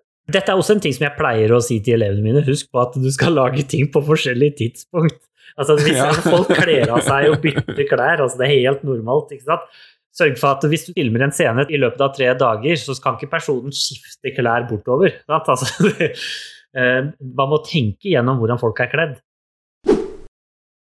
Men uansett, hva er det de snakker om? Jeg husker ikke hva de snakker om, jeg er kona og han, men jeg tror vel det er det at han Altså- lurer hvorfor folk er så skeptiske til han. Altså, det som jeg har problem med den scenen her, det er jo at han Han sitter jo der som om at dette her er et dilemma, denne problemstillingen. Og det er jo ikke et moralsk dilemma, ikke sant. Er det det ene, eller er det det andre? Han får litt sånn der angst, nærmest, ikke sant. Har jeg gjort det, eller har jeg ikke gjort det? Men, men det er jo ikke et moralsk dilemma, altså sånn sett. Altså, enten så har du gjort det, eller så har du ikke gjort det. Ja. Hvis han har gjort det, så må han jo huske det. Men hva hvis han har fortrengt det? Du, lurer, du mener at man ikke kan fortrenge noe i praksis, da? Helt, liksom? Jo, det er jo selvfølgelig mulig at, at dette her er en så stor påkjenning at han har fortrengt det. Men, det kan godt hende. Men, men, men det skal sies at her virker det som at han måtte fortrenge det i sekundet det skjedde, omtrent. Og så, altså, når han kom på jobb neste dag, så huska han ingenting. Ikke sant? Det er jo dagen etterpå det er snakk om. Eh, I, på det første tidspunktet hvor han liksom ikke vet hva som har skjedd. Men jeg tenker hvis han har fortrengt det og, og ikke husker Folk fortrenger ting gjerne over tid. Dette her skjedde i løpet av hva? Tolv timer? Seks timer? Åtte timer? Ikke sant? Kan du da snakke om det, stille spørsmålet er det egentlig jeg som har gjort det? Det er det jeg lurer på. Altså, Ville ikke man på en måte ha tilnærmet seg den problemet på en annen måte, eller sagt noe sånn at jeg husker jo ikke hva som skjedde i den perioden, alt er blankt. Det er jo det som jeg tenker ville vært eh, Ja. tilfellet her. Ja, fordi at det blir jo snakket litt om at han egentlig har et alibi, lite grann, i den filmen. Fordi han sier at han kom hjem fra baren, eller puben, så hengte han nøkkelen på den nøkkelskapet, eller til der han skulle gjøre, så reiste hjem med sin bil, sant? Og da sto den Audien, den sto på parkeringsplassen. Og så snakket jo han med kona. Og politiet sier jo senere at de Eller det kommer fram at kona har prata masse i med politiet. Ja, stemmer. Og da må jo hun ha gitt han et alibi. Og da må jo politiet fra det tidspunktet tenke at det ikke var Jonas. Så hvem er det da? Da kan du jo være sjefen, ikke sant? Og det er jo det jeg føler filmen nå prøver å Yes. Men det er jo bare så snodig at han Det er som at han husker alt minutt fra minutt, men han husker ikke om han har gjort det eller ikke. Mm. Det er jo det som er det snodige her. Ja, også, men, men han kommer jo på dette her med denne avisa. Ja, som Når han ja, ser avisa, så tenker jeg oh shit, jeg husker jo det at jeg glemte å legge Altså, jeg tok jo ikke med meg avisa fra bilen, så det må jo være sjefen som gjorde det. Mm. Han sier jo det, og når vi åpenbart har sett at det er han som har tatt den med, så skyter filmen seg selv i foten. Mm, ja, ja, ja, ikke sant?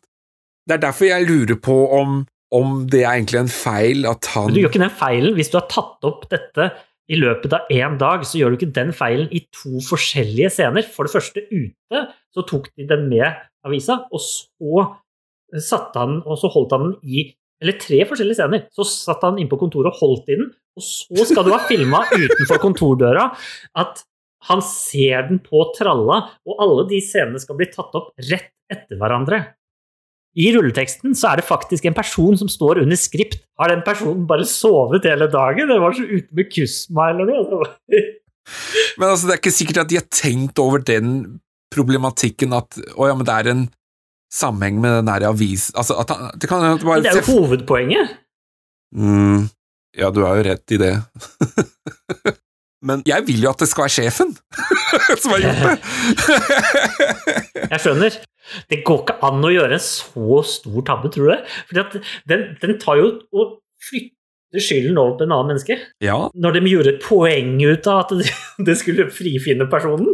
Men man kan gjøre mye rart i film- og TV-produksjon. Altså, I Game of Thrones så klarte de å sette i en sånn kaffekopp, altså en Starbucks-kopp eller et eller annet, Ja. i en scene, og, og det glemte de. Ja, det flyr et fly over Brad Pitt når han er i Troy, men Ja. men, men det er jo ting som er Altså Det er en liten detalj som har sneket seg inn. Dette her er liksom en hovedting. Han sitter jo og vifter med avisa, jo! Det kan hende at de har gjort det bare for å skape mer forvirring om at hvem det egentlig er. Ja, men, men da, men da det, det, eneste de si, gjør med dette her, er jo at de sier at han fyren, han altså, Fordi at det der er et bevis som han sier at åpenbart beviser at det er sjefen. Men så viser det eh, Beviset viser jo at det ikke er sjefen, men at det er han isteden. Åh, det er en irriterende ting. Terningkast Ja. på den delen. Avisen. Avisen. Terningkast én. Helt riktig. og så, nå, nå kommer vi inn i en ny scene som jeg synes er helt horribel. Fordi at her skal de tillegge eh, Nå har jeg glemt hoved, hva hovedpersonen heter i farta her. Jonas. Jonas, ja. Nå skal de tillegge Jonas personlighet og følsomhet og at han er en far og flott Er, menneske. er det der hvor han soser rundt i byen? Nei, når han går med sønnen sin til skolen, Ja, ja, ja, ja, ja, ja. Og, og sønnen spør 'Skal du i fengsel, pappa?' Og så, det spør han når han er liksom 15 meter fra skolegården. Og det, Hvorfor har du ikke bilen med? Liker du ikke bil lenger? ja, ikke sant? altså, når du, kan ikke forvente at en liten gutt skal være verdens beste skuespiller. Da må du manuskriptet nøyaktig hva den skal si, sånn at det skal bli så levelig. Hvis du da leser manuskriptet og sier det høyt foran speilet, vil du legge merke til at det du har skrevet i det manuset, det er ræva. Stakkars gutt, han gjør alt han kan for å få faren til å liksom virke som den flotte fyren som skal ta vare på han og liksom skal berolige han og alt mulig, og som til og med ikke presser seg med inn til skolegården fordi sønnen føler at det er litt ubehagelig pga. alle snakker Ja. om han og sånn. Og så roter de det til. Men var vi ikke enige om at det er gutten som var den beste skuespilleren i filmen tidligere? Ja, altså Det kan godt være at du er det, men jeg er ikke det. Jeg holder en liten knapp på kona jeg, idet hun tar og bøyer seg bakover når han virker litt truende der. Og han sier oh, ja. 'Er du redd meg?' Og hun bare 'Nei'.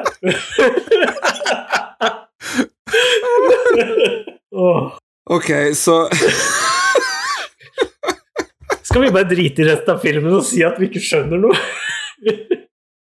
Ja, Jeg prøver liksom å klamre meg til den storyen, altså, men uh, Jeg trodde også sjefen hadde gjort det, men det er ikke sjefen. Det er, det er han som har gjort dette her, men han skjønner ikke sjøl. Underveis i samtalen med sønnen sin så tar han og setter seg ned på huk, og han prøver å virke uh, veldig sånn omtenksom overfor sønnen sin, og sånn, og det, det får han sånn ok til, da. Og det er ikke noe i denne filmen som får meg til å tenke at han er en dårlig far, eller noe sånt. Det virker som han prøver å gjøre det beste for sønnen sin, men at han Mm. nå Det begynner å skli ut, dette livet hans. Vi ser at han er i en taxi og har på seg dress. Kanskje han har dratt hjem for å få på seg findressen først, da. Og så står han og ser på en dame utenfor kirka som snakker med presten, som jeg vil tippe er moren til den gutten som blir drept.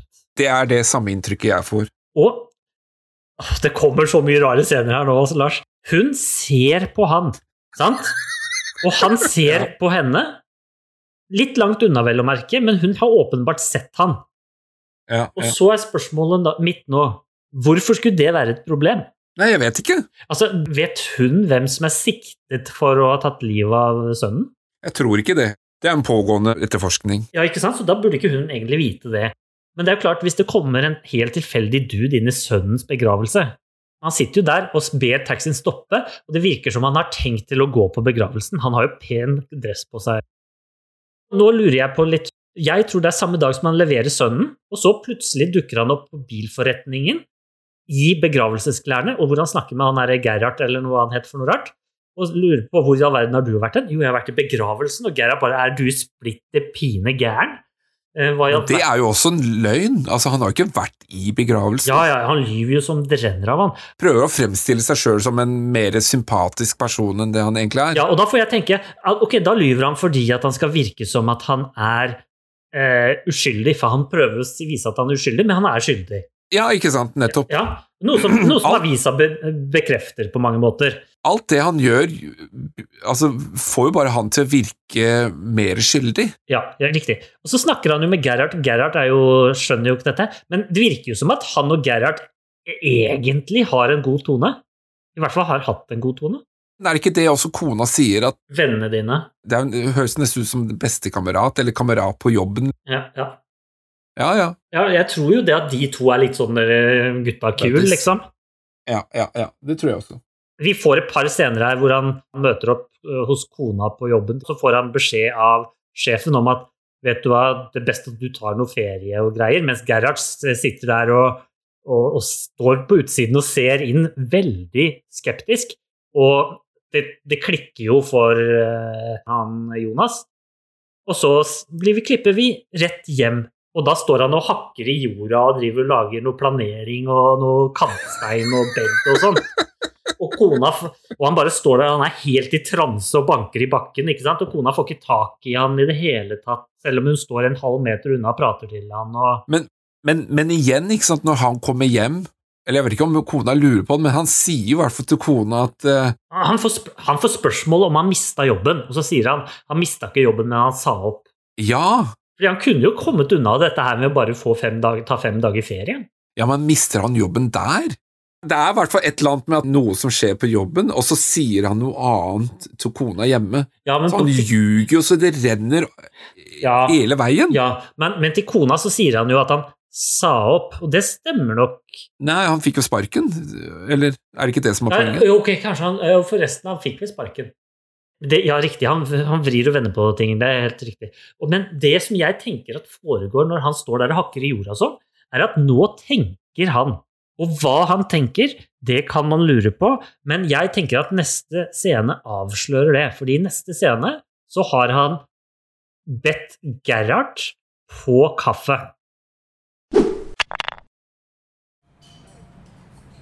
Ja, Ja, hva da? hva skjer? På jobben? Politiet har vært der flere ganger. Ingen skjønner noen som helst av hva som skjer. Driver politiet og oppsøker deg? Nei.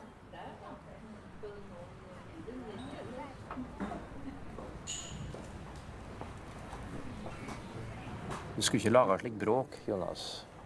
Slikt øker bare mistanken.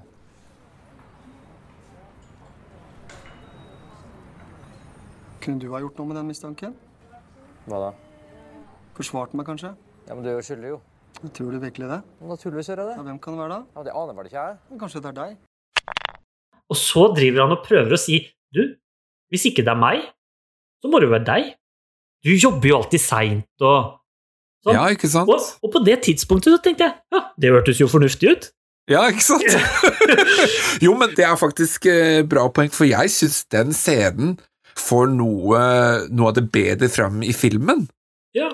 Fordi det, jeg får jo inntrykk at jeg vet ikke hvem som har gjort det.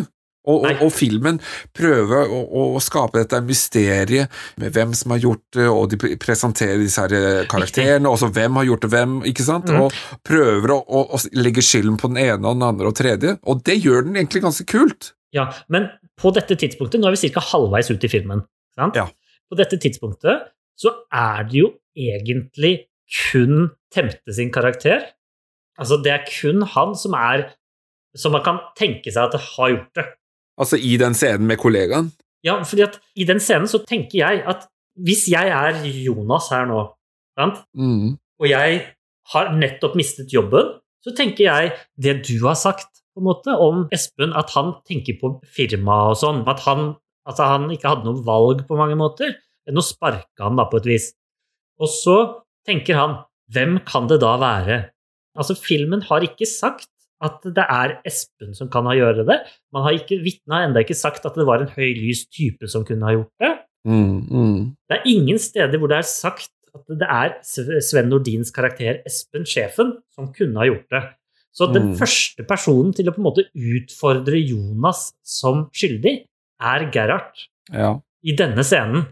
Så det jeg føler at filmen gjør her, er, og for så vidt gjør bra, er å gi oss, eller gi filmen kredibilitet til at det faktisk er en konflikt. At det faktisk ikke er Jonas.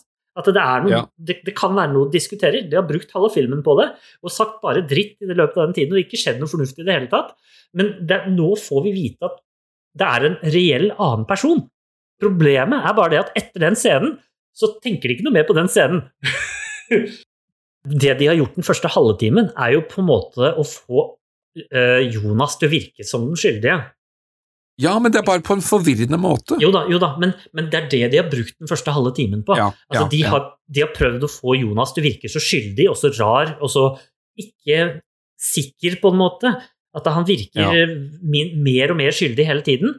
Og Nettopp, så, når han har blitt så skyldig at det er helt åpenbart at det må være Jonas, så tar Jonas og tenker Men det er jo ikke meg. Så, da, så da er det en annen. Og hvem er det mest Ja. sannsynlig for han å velge? Jo, hans beste kamerat Gerhard. Og så bruker filmen eh, resten av filmen på å få eh, Espen til å være den skyldige. Ja, ikke sant? Etter, Ja. den, etter den gode scenen med Gerhard. Dette er tullete! Altså, Ja, altså Fordi jeg er helt enig med deg, Lars. Dette her er en god scene. Jeg synes at Gerhard tar nyhetene ganske godt. Ordene som blir sagt, er ålreite. Og jeg synes at Temte virker å ha et fornuftig lynne i den scenen. mm, Ja, ja, ja. Og det er helt naturlig at du på en måte gjør dette i en kafé utenfor jobben og sånn. ja, ja.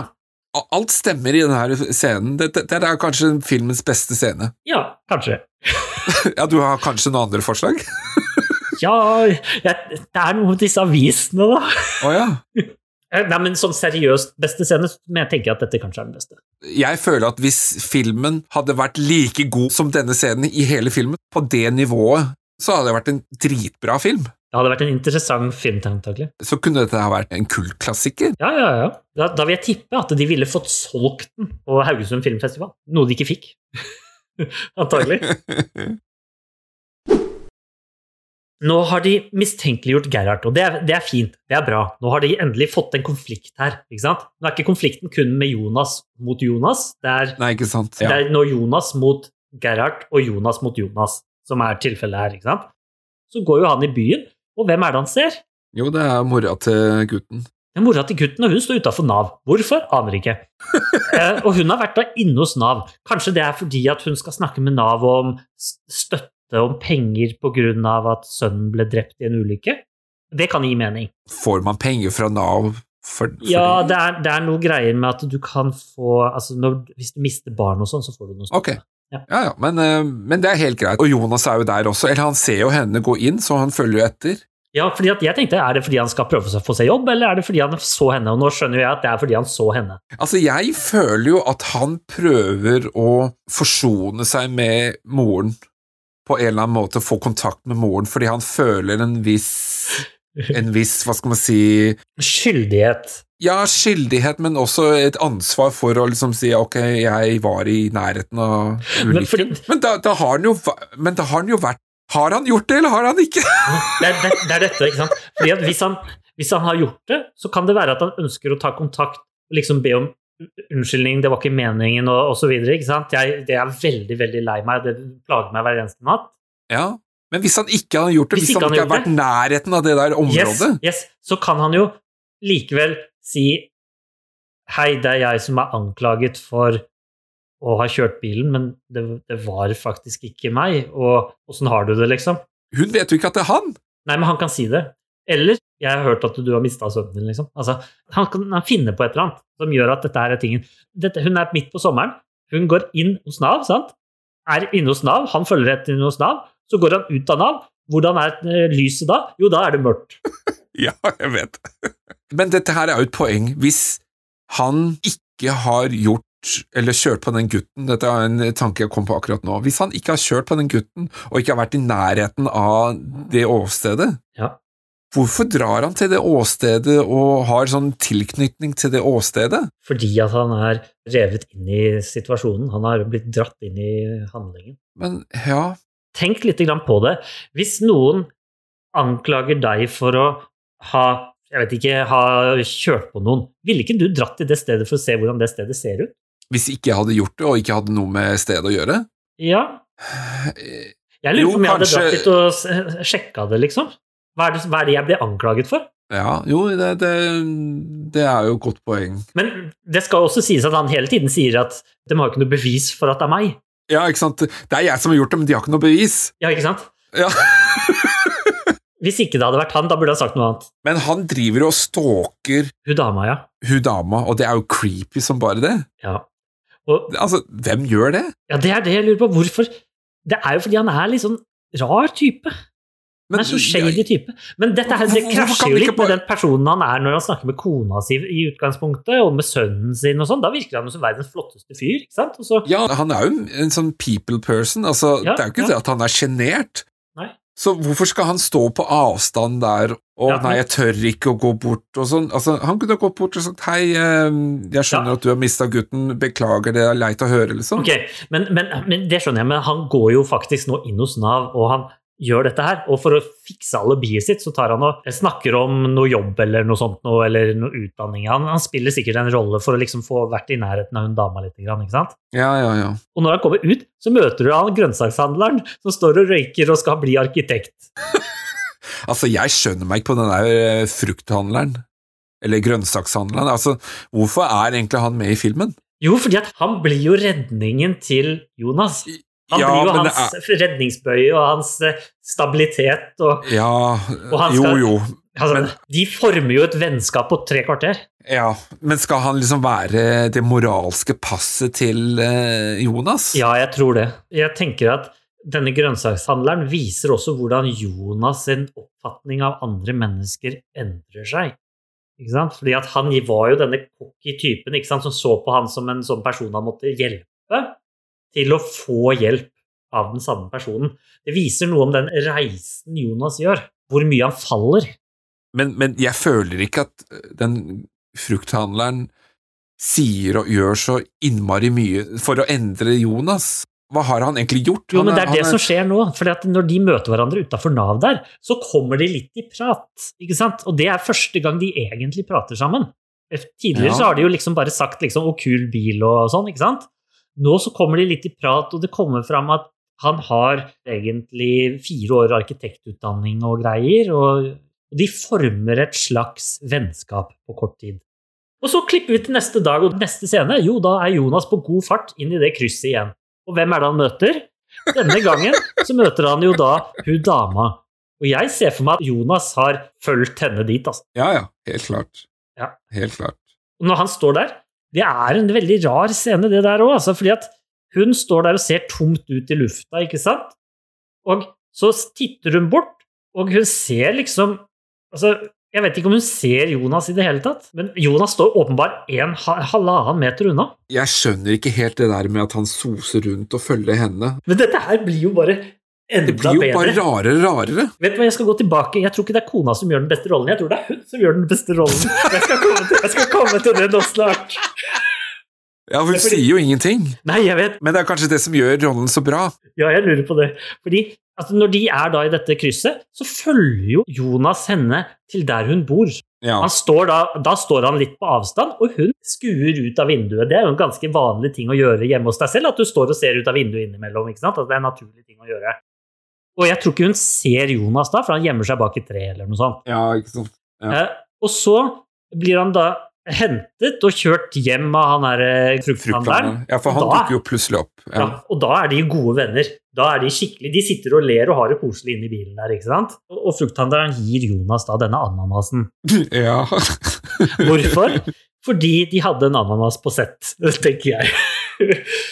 Og så kommer han hjem sent, og kona skjønner ikke hvor han har vært hen, og er litt bekymra. I tillegg har hun snakket med foreldrene om noen økonomiske problemer. Antageligvis fordi Jonas har mista jobben. Og Jonas han er helt i egen verden. ja, ja. Og han forsvarer seg sjøl og truer henne med kniv og hele Ja, pakka, liksom. samtidig, samtidig som han driver kutter opp denne ananasen og han snakker om hvor god den var. og Altså, hadde jeg vært kona, så ville jeg vært livredd. Ja. Så stå der og, og merke at han blir bare mer og mer arg og sinna, og så står han der og vifter med den kniven sin. Altså, dette her er jo en grunn til at jeg da tidligere tenkte at hun var litt sånn bedre, en av de bedre her. for hun, hun prøver jo i hvert fall å forstå Jonas, da. Jeg tror nok hun nå blir mer og mer suspekt, akkurat sånn som Jonas tenker at hun blir. Altså, hun tror nok mindre og mindre på Jonas jo flere løgner han kommer med. Men altså, jeg er for så vidt enig i kona, for jeg skjønner meg heller ikke på Jonas. Nei, ikke sant? Tenk, tenk om du var gift med Jonas! ja.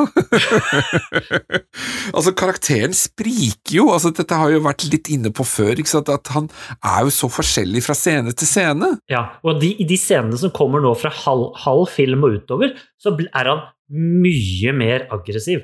Han er nærmest voldelig i scenene. Og så plutselig blir han kjempesår i en scene. Da, Ja, men det, er- veldig det er akkurat det. Altså, plutselig er han glad, og så er han frustrert, og så danser han på puben, og så er han sur, og så er han arg, altså, og så er han hos frukthandleren. Altså, det, det, ja, det sammen med frukthandleren, noe der er det bra. Han har ikke noe motiv for det han gjør. Filmen forklarer ikke hvorfor han gjør det, eh, de Nei, tingene. Nei, han gjør ikke det. Neste dag, da, antar jeg, eller en par dager etterpå, eller noe sånt, og han bedriver dank. Ja. Og det, måten han driver dank, er at han går til grønnsakshandleren, og så får han et eple. Hvorfor i all verden spiser du eple så rart? Og så svarer grønnsakshandleren jeg liker liksom eple, eller eh, liker det i midten av eplet, på en måte. Men tingen er at han spiser jo ikke på det eplet, han, han suger på saften, på en måte. Vet du hva, jeg tror det er en sitron. Er det en sitron? Ja, sorry, det er en sitron. Han driver og suger på den sitronen.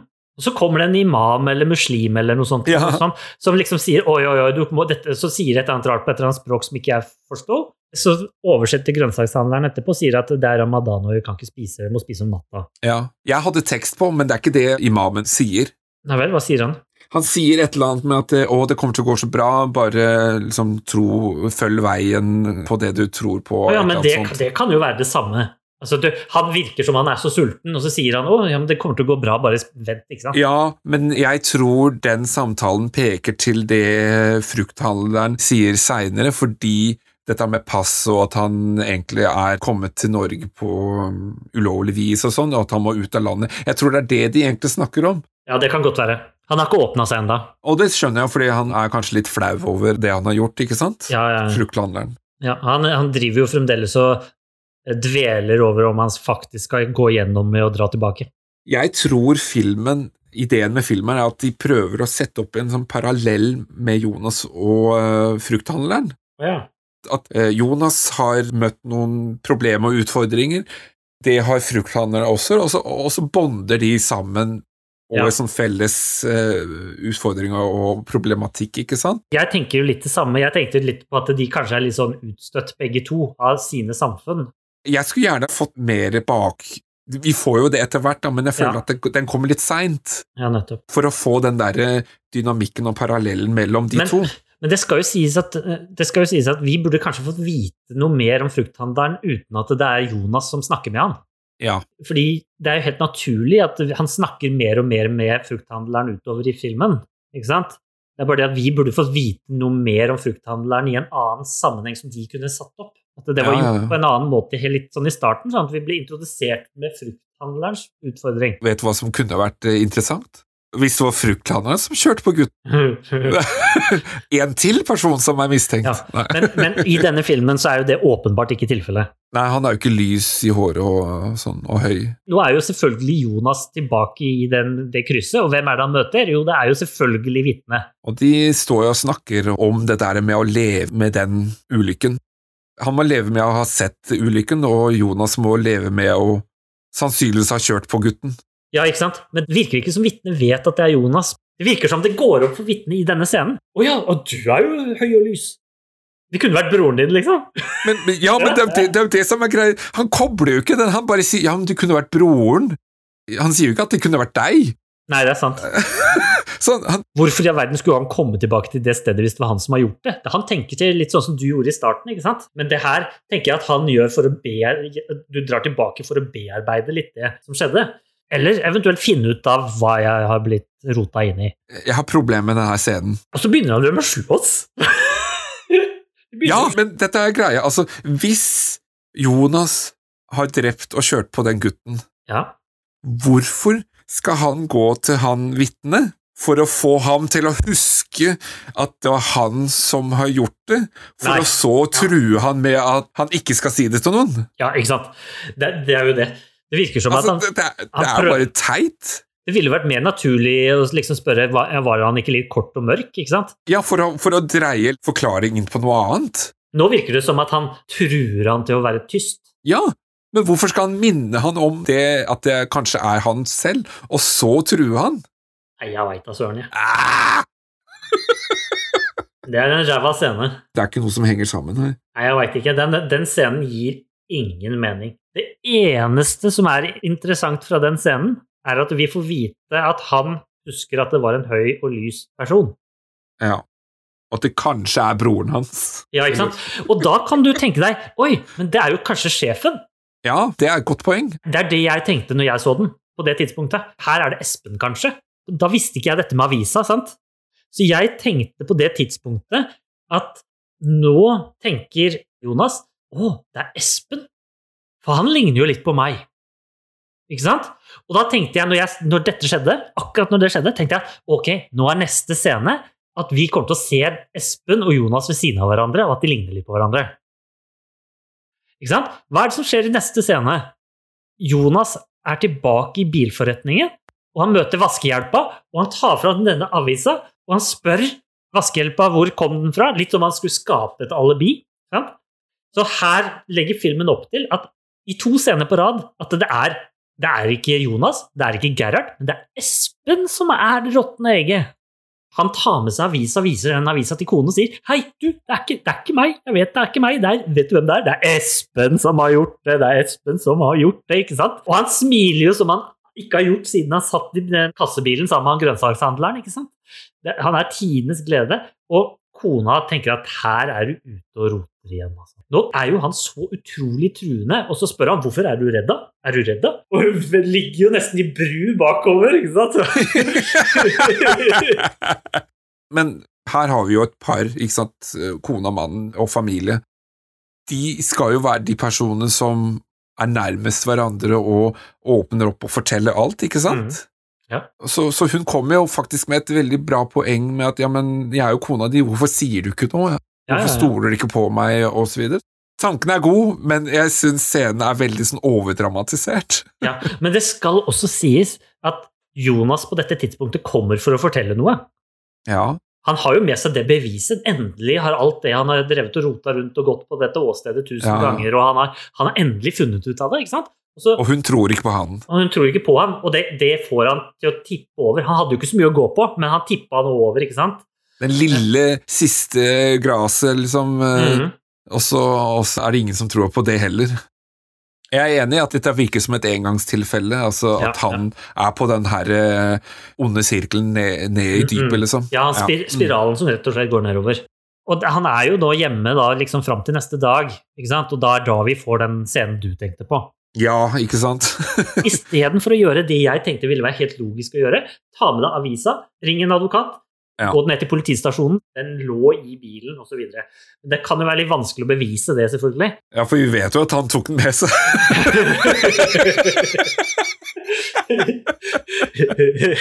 Men det er den her scenen her hvor, hvor han går løs på sjefen, ja. og de rundt står jo liksom og ser på.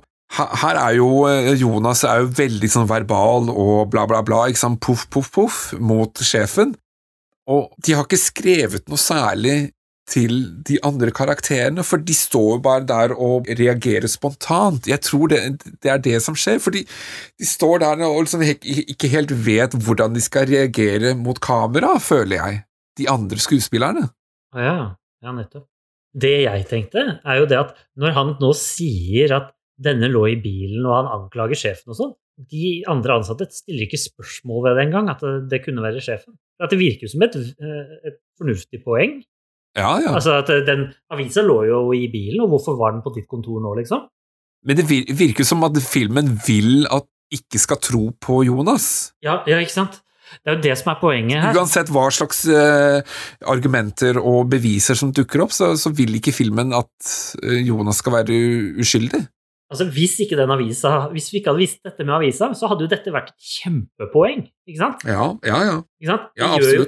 Det gjør jo at uh, sjefen virker som den mest suspekte av de alle. Ja, han er jo shady som bare det. Ja, ikke sant? Altså nå på dette tidspunktet, når jeg så denne filmen, så tenkte jeg å, ok, men da er det Espen, da. Da er det ikke Gerhard. Nei, kanskje ikke det er Jonas. Kanskje, kanskje det bare det her skal være den triste fortellingen som forteller at det går bare dårligere og dårligere med Jonas, og så er det liksom et justismord til slutt. Nei, jeg liker det ikke. Jonas på en måte blir aldri trodd, og det er liksom den tristheten i at han aldri blir trodd. Det var det jeg liksom tenkte det kom til å være her. Men Mm. siden de allerede har vist denne avisa, og de viser at de egentlig Hva er det de forsøker å fortelle? Forsøker de å fortelle at Jonas på dette tidspunktet ikke husker? Eller at han prøver å plante bevis? Altså, det er det, er det, det er det at Her er problemet i filmen. Normalt sett så tenker jeg at eh, filmen legger ut noen sånne clues i løpet av filmen, og så på slutten så skal det liksom komme en payoff, men jeg føler ikke at den payoffen kommer. Den prøver ikke liksom å snøre det sammen, den blir bare mer og mer forvirrende. Ja. Ja, fordi at jeg satt jo, når jeg var ferdig med filmen, så hadde jo ikke jeg fått med meg dette avispoenget, og da tenkte Nei. jeg hvem er det etterpå? Ja, og vi vet fortsatt ikke hvem det er. Jo, jo, det vet vi nå. Det må jo være Jonas. Det må jo være det, for det er det som er poenget. Ja, men jeg, jeg, jeg føler ikke at filmen er definitivt på det. Alt peker på Jonas, men jeg, jeg føler ikke at det er nok beviser på det. Altså. Ja, men det, det, det, for meg så virker det som at du føler at det må være Jonas, men du vil ikke at det skal være Jonas. Ja, jeg vil at det skal være sjefen. ja. Jo, men altså, jeg, jeg føler også at han er litt sånn shady, at han på en måte prøver å vri seg unna. I mitt hode så hadde det passet bedre om det var Espen som hadde gjort det. For meg så virker det som at avisa er liksom er beviset for at Ja, det er jo, men det, jeg, jeg, jeg er skjønner Jonas. poenget ditt. Ja, Og at eh, Espen skal virke som at han er skyldig underveis, men at han ikke er det. Men jeg føler aldri at det er en sånn der en reaksjon fra sjefen. Ja, men det kan ikke være meg fordi sånn og sånn og sånn. Den kommer jo aldri. Jeg kom til å tenke på en annen ting. Vi snakket jo om en scene vi likte litt her, med Gerhard, når han blir anklaget av Jonas. Hvorfor tar ikke Gerhard her og tar sjefen litt i forsvar, kanskje, og sier du, men hvorfor Altså, du anklagde jo meg i forrige uke, liksom. Ja. Hvorfor sier ikke han noen ting? Er det sånn at Gerhard begynner å tenke kanskje han har et poeng? Kanskje det er sjefen? Men så havner han jo da ute i byen, og han vanker rundt nede i byen igjen. Ja, Han liker å vanke i byen. Ja, for han har jo ikke noe å gjøre. Han driver jo bare og går rundt. Han soser rundt der, og så går han til grønnsaks, hjemme hos grønnsakshandleren, og så spør grønnsakshandleren hvordan i all verden fant du meg, og så sa han jeg ringte jobben. Å ja, det er først ja, at han overnatter der. Ja, kan jeg få sove hos deg, liksom? Ja. Og så driver de, så sover han på denne altfor lille sofaen. Men det er der han er grønnsakshandleren, frukthandleren, som jeg kaller han nå, han, han åpner jo opp og forteller jo egentlig hele dritten om seg sjøl, da. Mm. Kameraten får et pass, og så stjeler han passet til kameraten, og så drar han jo av sted, er det ikke Ja, sånn? fordi, jo, fordi de ligner litt på hverandre. Og det har han jo veldig sånn skyldfølelse for. Det virker jo som at dette er kjempelenge siden, og så Hvor lenge varer det passet? eller? Jeg tenker jo også, ja, men hvorfor begynner han plutselig å tenke på det akkurat nå? Han har sikkert tenkt på det lenge. Ja, men det må jo være noe som trigger han? Du mener at Jonas trigger han? Ja, er det det? Jeg tenker at han har på dette tidspunktet egentlig nesten planlagt å reise hjem. Kanskje det bare er så enkelt som at det at han prater med Jonas, gjør at han skjønner at han må reise hjem. Men hvorfor? Fordi at han Det får han til å høre seg selv fortelle det igjen, og, han, Ja, sånn, ja. og at han da liksom tenker ok, det jeg tenkte på var ikke så dumt, kanskje jeg burde reise hjem. Så reiser han hjem. Veldig fort. Ja, altså han skal gjøre opp med fortiden, liksom. Ja, ja, han skal gjøre opp med fortiden. Men så, dette her er jo da en av de fine scenene, føler jeg, da, når han våkner på sofaen der og stirrer på det tomme teglasset og korte sofaen der. Det som jeg syns er rart, ikke det at han overnatter og sover på en kort sofa, det er jo for så vidt sånn som kan skje, men han sover jo i jakka si. Ja, han sover i full dress. Det må du jo. Det skjønner jeg Ja, men han kan jo altså Ja, men Det ville jo være naturlig å ta av dressjakka, liksom. Han har jo T-skjorte Ja. under. Du kan sove i T-skjorten, men altså, hvorfor skal han ha på den der eh, dressjakken, eller eh, Jeg veit ikke, den er sveisa fast. Det kan jo Kanskje den er så vi- liten at han ikke får den av? Ja, det kan, men vi, vi som publikum vi ville jo ikke forstått at det var han, hvis han hadde tatt den av. Den jakka er liksom identiteten hans. Ja. Det er han. Det er Jonas. Jonas. Nei, jeg veit ikke altså, hvorfor han ligger der med jakka på. Men det, det, det, det, bare ser så teit ut. Det bare virker sånn Ja, vi må ha en sovescene. eh, Sleng deg ned med et teppe over. Vi setter et glass på bordet, sånn, eh, og så er det masse lys. Man får ikke sove. Og vet du hva? Nå etter den scenen, når han våkner opp og begynner å gå ut i byen igjen, så kommer scenene som jeg skjønner ingenting av. Ja, jeg, jeg, jeg skjønner ikke en dritt. Altså, hvis vi ikke har skjønt noen ting før, så, så skjønner vi i hvert fall ikke noe nå. Nei, fordi det som skjer nå, er jo helt spinnvilt, spør du meg. Det er vanskelig å begynne dette her, men det som skjer, er i hvert fall at moren til den gutten som er død, sitter utenfor en kafé med solbriller på. Ja. Og så kommer en venninne ut. Ja, men før det så ser jo Jonas han ser jo på henne. Men han står altså én meter og ti centimeter unna. Altså, hun kunne følt varmen hans. Altså kroppsvarmen på den avstanden. Men han er jo bare creepy. Og så, jo, men altså, og så kommer hun, hun dama som er sammen, som sikkert er venninnen hennes, Og hun setter seg ned og ser rett på Jonas, som står 1 meter og 10 centimeter unna hun og stirrer rett ned på dem. Og hun bare snakker med hun, eh, moren sånn at ingenting skulle ha skjedd. Det er ikke sånn der ja, hva står du og stirrer på, hva, hvem er du, liksom? Ja, ikke sant? Vil du sitte med oss, eller vil du gå, liksom? Altså, hva er det du driver med? Ja. Oi, hva er det som skjer? Men det ender jo med at han følger jo henne. Til det gule huset han vet hun bor. Og så går han inn i det gule huset. Jeg skjønner ikke en Hva dritt! Jeg skjønner ikke en dritt! Fordi, fordi i samtlige scener så har ikke hun, med, kanskje med unntak av begravelsen, så har ikke hun sett han. Altså sett han i øynene eller noe sånt. De har jo ikke snakket sammen, de har kanskje hatt noe blikk og sånn? Ja, men selv ikke de, altså de, blikk, de eneste blikkene som vises i filmen, er det ene blikket ved begravelsen på kjempeavstand når han sitter i en taxi. Alle de andre blikkene, alle de andre tingene, er at hun ikke har sett på han, men at han har stått 1 meter og 10 centimeter, og at hun åpenbart har sensa han.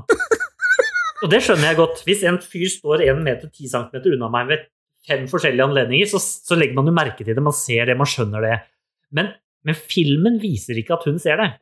Nei. Og så fra et annet rom sier hun dama 'jeg er her'. Hvorfor i all verden? Som at hun har ventet på ham? Ja, men det er det jeg ikke skjønner!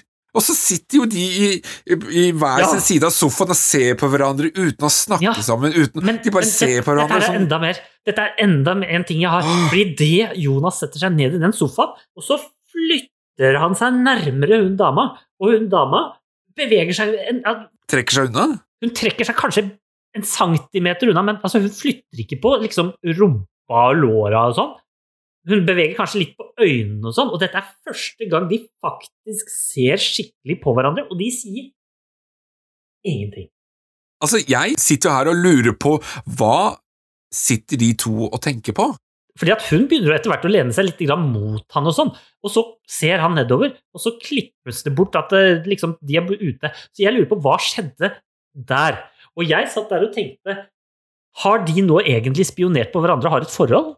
Ja, du tenker på at det er noe seksuelt eller noe sånt? Ja, at det skjer noe seksuelt som ikke vises. Ja, det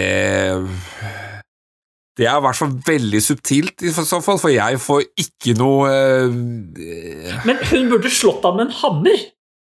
Altså, han, er jo, han har jo fulgt henne i byen hele tiden. Ja, men hun sitter jo og sier 'jeg er her', sier hun.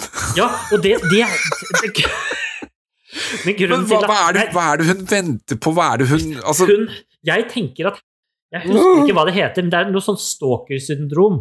ah. Ikke sant? Du liker å bli fulgt. Altså, det, det eneste jeg sånn i min villeste fantasi tenker som en forklaring, det er at ok, hun har mistet sønnen sin, Mhm. som er det mest tragiske som kan skje, ikke sant? Hun følt seg aleine, hun Det kan hende at hun var alenemor, hvem vet. Det virker sånn. Hun sitter jo helt alene. Hun var alene på begravelsen. Ikke noe mann, ingenting. Ja, ikke sant?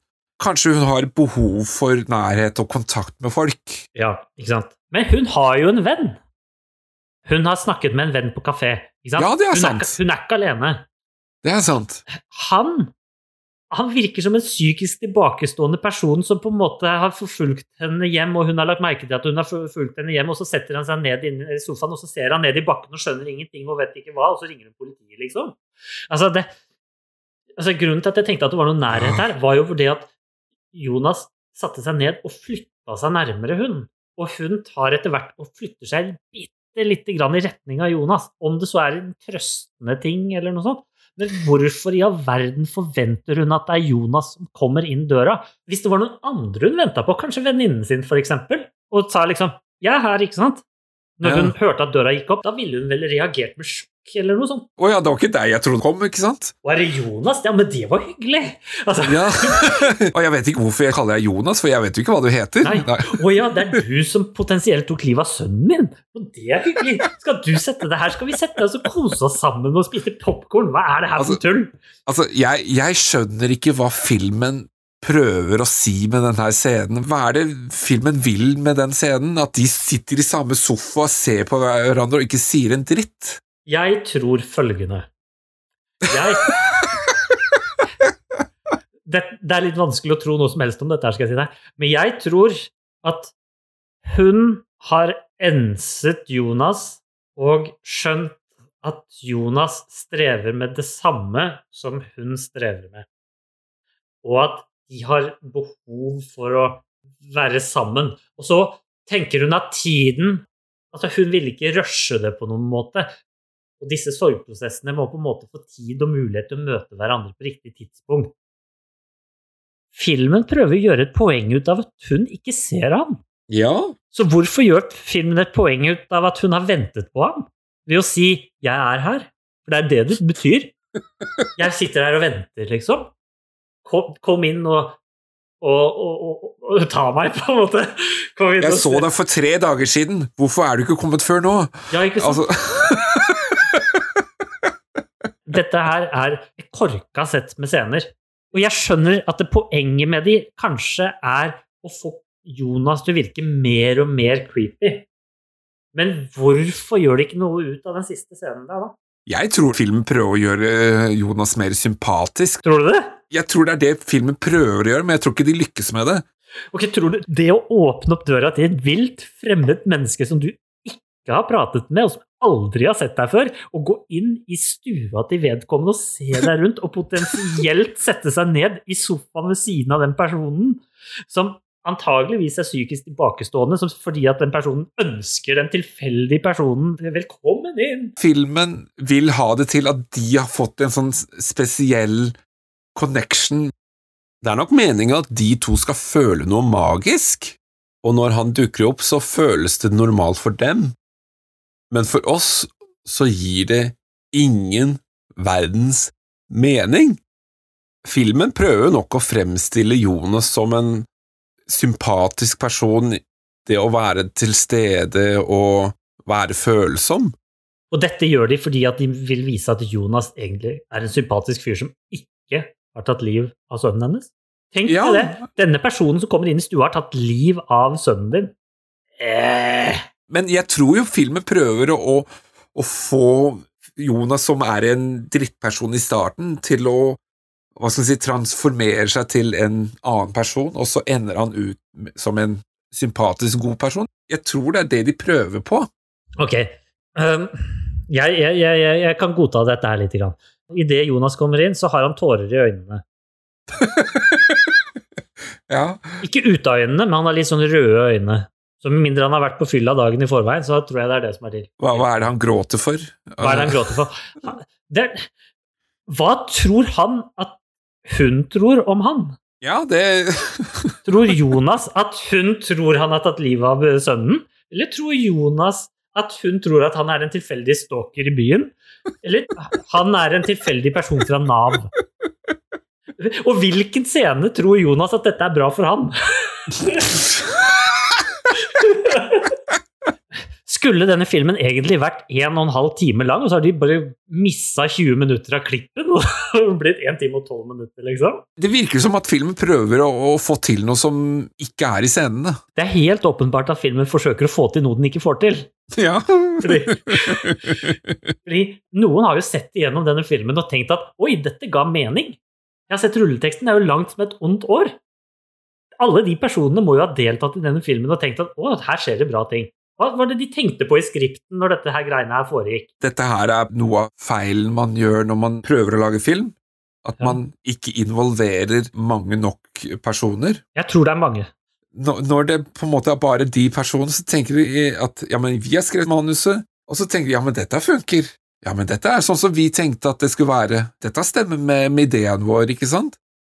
Og det er ingen som på en måte kommer inn og så sier ja, men her er det noe som ikke henger sammen, eller ja, men hvorfor gjør han det, og, og dette er, den scenen funker ikke, og sånn.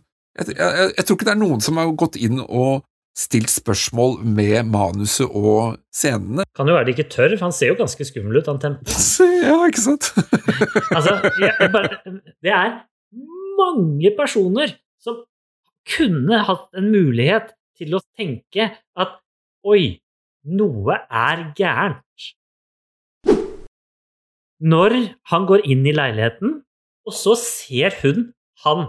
Det er første gangen filmen viser at de ser på hverandre, og på det tidspunktet har han rødsprukne øyne og liksom tår, kanskje tårer og sånn i øynene. ikke sant? Kanskje film prøver å vise at han er sånn angrende synder? Ja, så det er litt sånn jeg tenker at han kanskje har tatt motet til seg for å si 'jeg beklager'.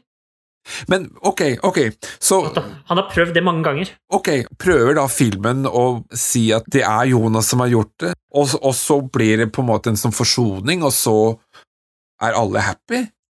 Jeg tror kanskje det er det han skal til å si når han sitter med foldede hender og ser ned i gulvet. Så skal han si 'det var jeg som kjørte på sønnen din'. Og da, da kan han liksom gå videre i livet. Ja, men jeg, jeg kjøper den ideen. Ja, Og så setter han seg på bussen.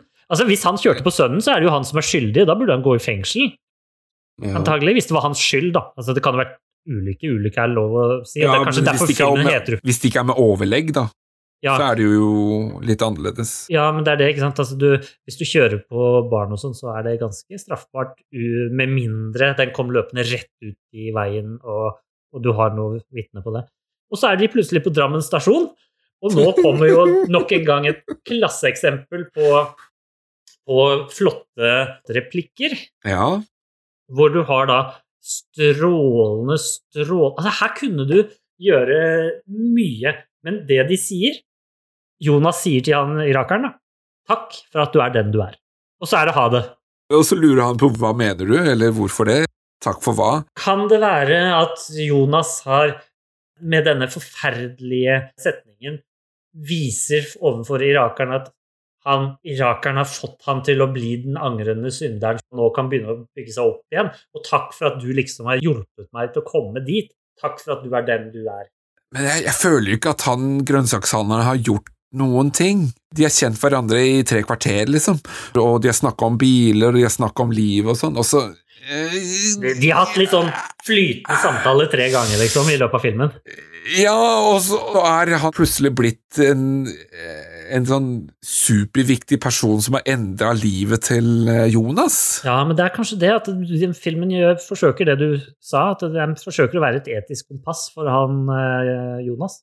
Og så avslutter jo filmen med at etter at han har vært der og sett toget går, som da går til Lillehammer, by the way Ja, jo jo, men den kan, han kan jo hoppe i? Oslo, Oslo eller Gardermoen.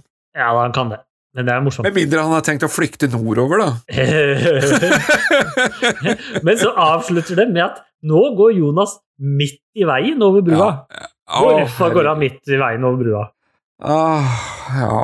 Kanskje fordi han endelig har funnet veien. Ja, og nå er det slutt. Han går for så vidt over på fortauet etterpå, da. Men da er jo filmen ferdig. Jeg har så store problemer med denne filmen.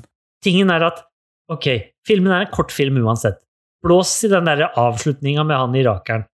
Slutt filmen når, i det de sitter sammen i sofaen, og han er en angrende synder. Hvis det er det de prøver å få til. Og så kan det fade ut. Altså, det er nok til at vi da kan potensielt godta at det er det som skjer. Du har helt rett, fordi den der scenen med frukthandleren på togstasjonen, den er egentlig helt overflødig. Ja. Den gir jo ingenting, annet enn at han drar med tog og har det bra, liksom. Han har jo på mange måter sagt det allerede, at det har han tenkt å gjøre, så det, det, det forventer vi jo. Det er jo greit å kanskje få vite at han gjorde det, men det, det er jo ikke noe med konflikten i filmen å gjøre sånn egentlig. Viser de med det at nå forsvinner hans etiske kompass, og han er alene igjen i verden, men han, har, kan, han begynner på bar bakke og begynner nå å gå over brua. Da, nå, når han er over brua, da er han endelig klar til å starte på livet igjen. Ja. Og gå midt i veien og skape trafikktrøbbel og sånn. Kanskje det er derfor han går, på, han går over på andre sida for å hoppe over gjerdet. Kanskje opptak til Ulykken 2. Hvem tror du han skal stalke da? Kanskje kona som han har skilt seg fra. Men en liten kuriositet, da. Den broen han uh, går over Ja.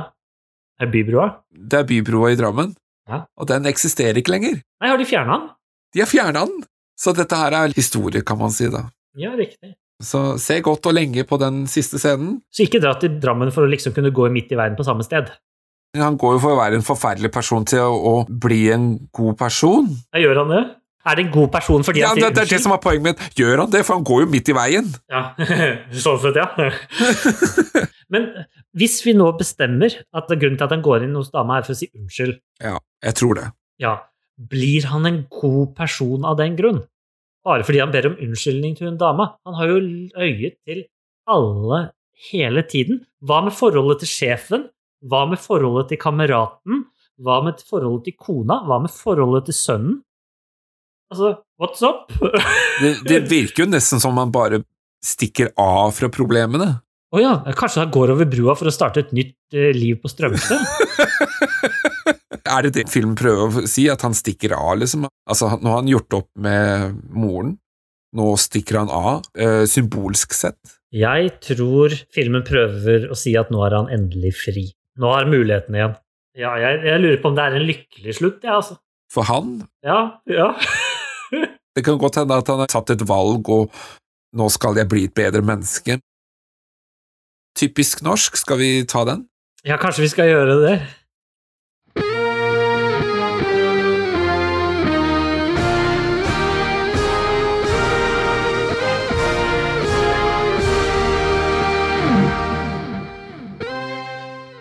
Jeg har et par ting. Sjefen, Sven Nordin. Ja.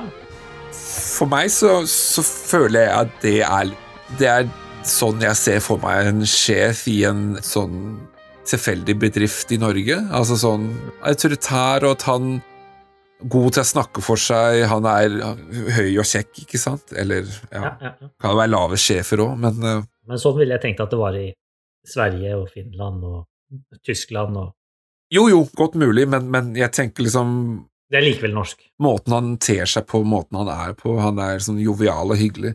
Kom du på noe uh... Ja, det å møte folk på Nav naver? Naver, ja. Eh, Det jeg tenkte på sånn først og fremst Eller det, kan jeg si noe som er mer utypisk norsk? Ja, ja. Det, er, det er en typisk norsk ting at du skal Altså, rettssystemet i Norge er ganske typisk. Altså, man skal være uskyldig til det motsatte er bevist, osv. Her, er det, her er det det motsatte som har skjedd. Hvis vi leser et sted at eh, denne personen har eh, sagt noe feil eller gjort noe feil, sånt, så tror vi det med 100 sikkerhet. Ja. Det er litt typisk norsk den der, at vi eh, beskylder folk. Selv om det antageligvis i dette tilfellet var riktig å gjøre det. Eller at du lyver alt du du kan for å komme deg unna. Det var litt typisk. Rosepushere, er det typisk norsk? Nei, ja. altså, det er jo litt som Arbeiderpartiet i valget, det er det ikke det? Men da er det jo gratis. Det er det kanskje. Det er kanskje der han rosepusheren har fått det fra. Så glemte han at han måtte, jeg skulle ikke ta betalt. Ja. Hadde du en ting til, kanskje? Jo, jeg hadde en ting til. Dette her er jo uh, i mai, ikke sant? Mm. Og mai er jo sånn vår, og det er lyse kvelder og, og så videre, og det, og det er akkurat det. Og det ser man faktisk på noen av scenene, det har jo ikke vi eh, trukket fram så veldig mye, men det er noen sånne klippscener hvor du ser Drammen by, broer, biler og så videre, Mm. og da er det lyse kvelder, og det synes jeg egentlig er veldig flott, hvordan de har brukt det i filmen. Det å få fram det unike og øh, spesielle ved den norske sommeren, da, eller våren, da. Nå har jeg et spørsmål, Lars, Ja. om denne filmen. Nå som du nå så at det var en avis som avslørte at han antageligvis løy hele tiden, og at det var han som var skyldig, Jonas, og han forsøkte å legge skylden på alle de andre, at det var det som egentlig skjedde, og at man i den siste scenen sier unnskyld til moren. At disse tingene er det som skjer. Føler du nå at filmen er bedre enn det du følte før vi begynte å prate om den? Jeg må innrømme at på en måte så, så forklarer det filmen litt mer tydelig, Ja. så sånn sett så kan man si at det hever filmen litt, at den tydeliggjør liksom det som skjer, og hvorfor ting skjer. For nå peker jo alt på at det er han som har gjort det. Mm. Eh, jeg syns ikke det er en veldig interessant utfall. Jeg tenker at det hadde vært mye mer interessant hvis det var sjefen som hadde gjort det. Ja. Jeg vil at sjefen skal ha gjort det. Nei, men det, men det, det er liksom noe med det der at han han er på en måte den uskyldige, ikke Ja. sant? Han blir på en måte fanget opp av dette her eh, ulykken og blir snøra inn i den her problematikken. Ingen tror på han, alle Ja. tror at det er han som er skyldig. Yes, det hadde vært mye mer spennende. Vi sitter nå i hvert fall og vet at det ikke er tilfellet. Fordi før vi begynte å tenke på dette her, så kanskje vi satt og tenkte at det kunne like godt være sjefen. Jeg likte når vi satt der og tenkte at vi vet ikke hvem det er. Ja, på slutten, ja. Det blir åpent. Det kunne godt hendt at eh, filmen kunne ha vært avslutta på en måte hvor vi fortsatt ikke helt vet hvem som hadde gjort det. At det kunne teoretisk sett vært hvem som helst. Altså, det, det finnes beviser for at alle kunne ha gjort det. Ja, ikke sant? Det, det kunne vært tre forskjellige personer som var skyldige her. ikke sant? Det kunne Ja. være Jonas, det kunne være Gerhard, og det kunne være eh, Espen. sant? Hvis det skulle vært et poeng i filmen, så skulle jeg ønske at det var liksom mer fokus på Gerhard. Altså at vi fikk mer sånn dritt på han. Ja. Men altså, det, er jo, det det er jo åpenbart altså, Han er jo den første personen som Jonas forsøker å gjøre skyldig. Altså, det eneste det blir brukt som, er at det rabler mer for Jonas. Jeg har et, en ting til som jeg lurer på. Nå som, du, nå som vi på en måte har landet på en, av, en forklaring på den, den scenen inni det huset på Ja. der, tenker du at det egentlig var en bra måte å gjøre det på? At det var litt fint at de viste at han var den angrende synderen som til slutt fant motet, og endelig fikk han det til. Gratulerer, Jonas, du klarte å be om unnskyldning. Hvis man tenker på karakterutvikling Ja. eh, Jeg liker den ideen at man får en karakterutvikling hvor han er noe i starten, og så utvikler han, så, og så ender han opp med på noe helt annet. Kanskje blir en bedre person, men eh, som vi har vært inne på, jeg syns ikke han eh, fremstår som en bedre person. Men han ber jo om unnskyldning hos den dama. Jo, jo, men Han må jo være bedre da. Altså, filmen problematiserer jo ikke det. Filmen fremstiller alt så problemfritt på det å miste det kjæreste man har. Moren sitter der som om at alt plutselig er greit, all sorg og vonde følelser er borte, uten noen form for reaksjon mot Jonas, som akkurat har kjørt på sønnen hennes. Men det kan være at hun har skjønt at det var han fra første gang hun så han inne i taxien der borte. At hun nå har brukt tiden på å prosessere det. At hun, siden hun har sett han gang på gang på gang, på gang, så har hun på en måte kommet litt i Hun, har, hun vet hva som kommer. Det er derfor hun sier inne i huset 'Jeg har ventet på deg'. Jeg er her. Jeg ikke sant? Nei, men altså, altså Her har du en mor som har mistet sønnen sin. Ja. Altså, hvis du mister en sønn, det er ikke noe du uh, Altså, du kommer aldri over det. Hvor er liksom følelsen av sinne og forakt? Ville ikke det vært en mer naturlig reaksjon fra henne overfor Jonas? Hvor lang tid går det da, tror du, Lars? Går det et år? Går det, går det en uke? I den filmen her så tror jeg bare det er noen få dager, knapp en uke. Ok. I så fall så er det jo helt Kanskje to uker hvis man tenker i forhold til en begravelse og sånn, for det tar litt tid og sånn. ja, ja. Den, den skjer jo ganske tidlig i filmen. Ja, men jeg, jeg tror ikke det er gått så veldig mye mer enn det. Jeg tror ikke det er, Vi snakker om måneder her, altså. Nei, for Det men, altså, det er i løpet av sommeren, kanskje, eller sånn eh, tidlig sommer eller noe. Åh, ja, ja, denne filmen er jo ikke den beste filmen jeg har sett, la oss si det sånn. Altså- VG ga den terningkast to. Ja. Klarer du å finne to øyne på terningen? Ja, vi har jo sagt at vi skal ikke trelle terninger, da, så okay. heldigvis. Klarer, klarer du å finne litt, grann, eh, litt grann smil på det sure fjeset? altså, det er positive ting med filmen. Scenen med Gerhard var god. Absolutt. Dette her er jo mitt sentrale poeng med hele denne filmen. Altså, premisset i filmen er kjempekult. Mm. Og det er derfor jeg valgte filmen, fordi jeg ønsket på en måte å, å få fram at det, det finnes interessante og gode ideer som dessverre ikke alltid kommer godt nok fram. Ja. Det er keitete dialog gjennom hele filmen. Og når det ikke er dialog, så er skuespillet snodig og basert på stalking. Ja. Det kommer ikke noen reaksjon på disse her rare tingene han gjør. Han er en snodig skrue. Han gjør masse ting uten at vi skjønner hvorfor han gjør det. Men nå som vi har sett hele filmen, Lars, hvem er den beste karakteren i løpet av denne filmen? Jeg syns Gerhard. Jeg vet at vi ikke ser så mye til han, men, men de scenene hvor vi faktisk ser han, så tror jeg på han. Hva tenker du? For å være seriøs tror jeg kona. Ok. Da tenker du at hun er en troverdig karakter som hans kone? Jeg tenker Ikke det at hun er verdens beste skuespiller i denne filmen, eller noe sånt, eller leverer linjer på, på verdens beste måte, men, men jeg får en følelse av at hun blir mer og mer redd for én, miste familien sin, og to, personen hun er gift med i løpet av denne filmen. Ja. Hva som skjer med henne, og hvorfor hun blir helt borte av filmen mot slutten, det er det jo ingen som vet. Eh, Men, men Han er mer opptatt av den frukthandleren. Ja, ikke sant? Han er, han, han er viktig, han. Han har gjort mye gærent, han òg. Men eh, kom igjen, den filmen kunne klart seg uten frukthandleren. Han, eh, Jonas kunne stått og bare prata med veggen eller noe sånt isteden. Eller han kunne skrevet et brev. Han kunne, kunne Vi kunne hørt han tenke i en voiceover. Altså, hva som helst kunne fått han til liksom virke noe angrende. Men det er liksom det, da. Kan det være at den samtalen med han grønnsakshandleren er det? Altså, det er hans angring. Når grønnsakshandleren angrer på det han gjorde, så må han faktisk ta steget og be om unnskyldning til den dama. Der har vi jo oppfølgeren. Jonas i fengsel? Nei, altså grønnsakshandleren. Altså, han forsvinner ut av filmen på toget. Ja, det er sant. Hva skjedde? Hvor enda han? Spora han opp Nora-gutter? Ja, ikke sant? Ulykken to. Ja.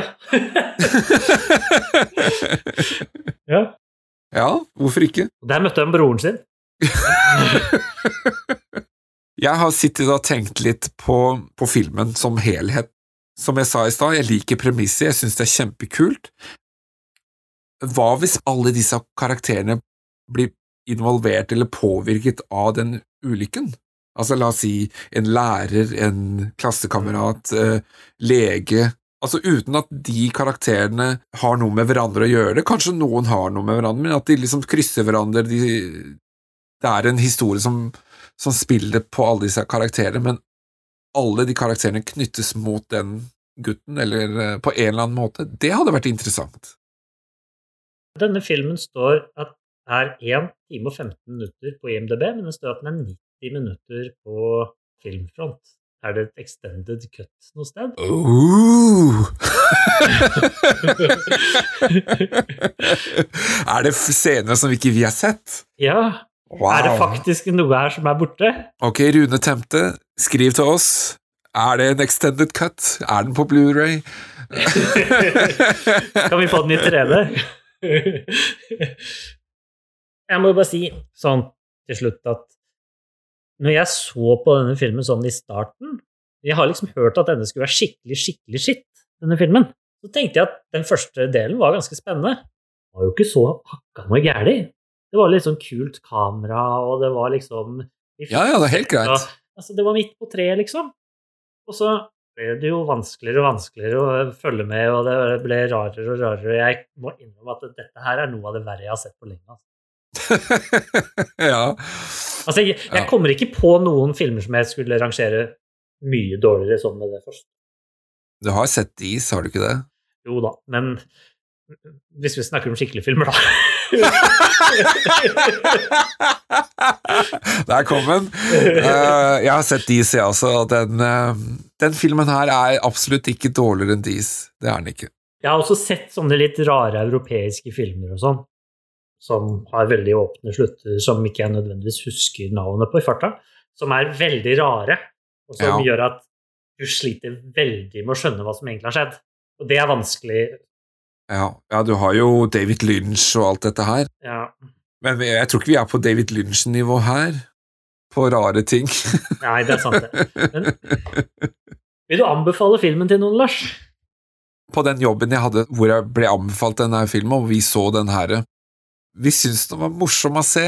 Mm. Man ler jo. Ja, jeg lo en gang, jeg. Ja. Sofaen der hvor han sover i den korte sofaen. Ja. Idet han våkner. Jeg syns det frutterer seg litt gøy. Oss si sånn, jeg vil ikke anbefale denne filmen til noen. Eh, Jeg vil anbefale den. Det er jo det jeg har gjort nå med podkasten. Ja. Jeg, jeg, jeg ville anbefale Ok, jeg kunne tenke meg å anbefale denne filmen til folk som liker romantiske komedier, som nå vil ha en litt spennende film. Det er jo bare for de som er spesielt interessert i å se alt norsk Ja, som vil se den, antagelig, ja. Som syns det er gøy å se noe som er så sært eh, som dette her. Jo, men, men se for deg at du ikke er kritisk overfor det du ser på i det hele tatt. Du Ja, bare, ja. du bare godtar litt underholdning. Mm, ja, ja. Og da er jo premisset her er det en fyr som har, eh, en person som har kjørt på en gutt, og man er litt usikker på hvem det er, inntil man oppdager at uh, den som ljuger, antageligvis er den som kjørte på. Oi, det var litt spennende. Ja. Forsøkte å legge, på, legge skylden på de andre. Det var litt spennende. og så er du ferdig. Mm. Så, så det var, det er jo, den er jo tross alt bare en liten uh, TV-serieepisode lang. Ja. Det er litt lenger, da, men ikke veldig mye. to episoder. Dobbeltepisode. Ja, ikke sant? Ja, ja. Ja, det er jo for så vidt filmen også. Det er jo det. Først så er det han som er en dritt, og så er det han som forsøker å bli bra. ja. Nei, jeg veit ikke, altså. Da er vi ferdig med å snakke om eh, ulykken, men eh, Robert, hva skal vi eh, snakke om neste gang? Nå så skal vi gå fra dritten og forbi midten til de virkelig, virkelig gode filmene. Jeg mener det, da, fordi at dette er en av mine favorittfilmer.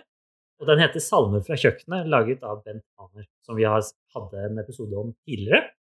Ja. Eh, Den er fra 2003 og er en litt sånn mørk komedieaktig ting, men det er ikke egentlig en komedie heller, fordi at den er så Bent Hamer i stilen. Altså, den er så treg, på en måte, men den er vakker i alle instanser. Jeg synes den er nydelig.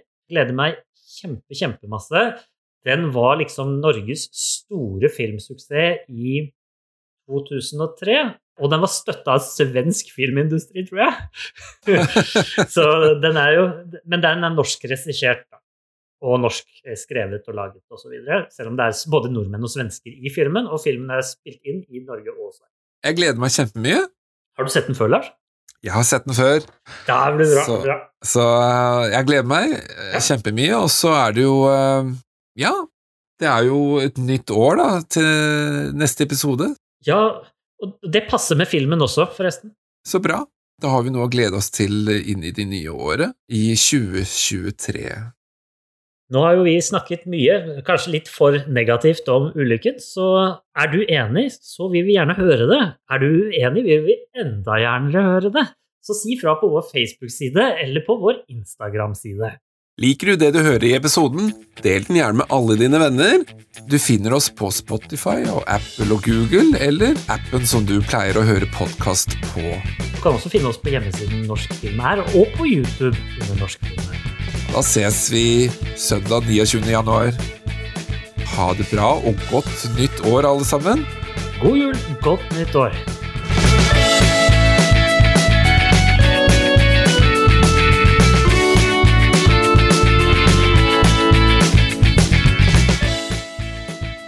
Mange ting fremme. Ja, jeg har det. Jeg har det. Jeg har forberedt meg for godt, men for dårlig på en gang. Jeg har jo faktisk skrevet til kongehuset jeg, på, Ja. og, og forespurt om de hadde lyst til å være med på vår 17. mai-episode i fjor, Ja. men eh, de, det takket de altså nei til. Yes. Så det, Nei, vi må, vi må. men de er vel litt busy på 17. mai.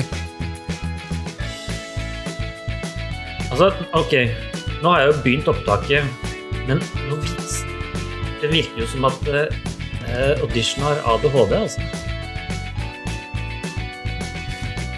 Jeg har glemt hva filmen handler om, jeg, så det går bra. Det. Du har glemt hva den handler om? Jeg husker Har du ikke akkurat sett den? da? Jeg så det i går. Å, nei, nå må vi tilbake til sporet her. Jeg tror ikke det er mulig, Lars. Jeg tror vi er over kulen. Vi har kommet til planen. Og så har hun liksom sett han snoke rundt i, i byen, eh, bokstavelig talt. Ja, han inviterer jeg hjem. Og så, og, så, og så er liksom det den kontakten de har hatt, ikke sant? Og så, ja, ja, ok, eh, han virker som en hyggelig fyr.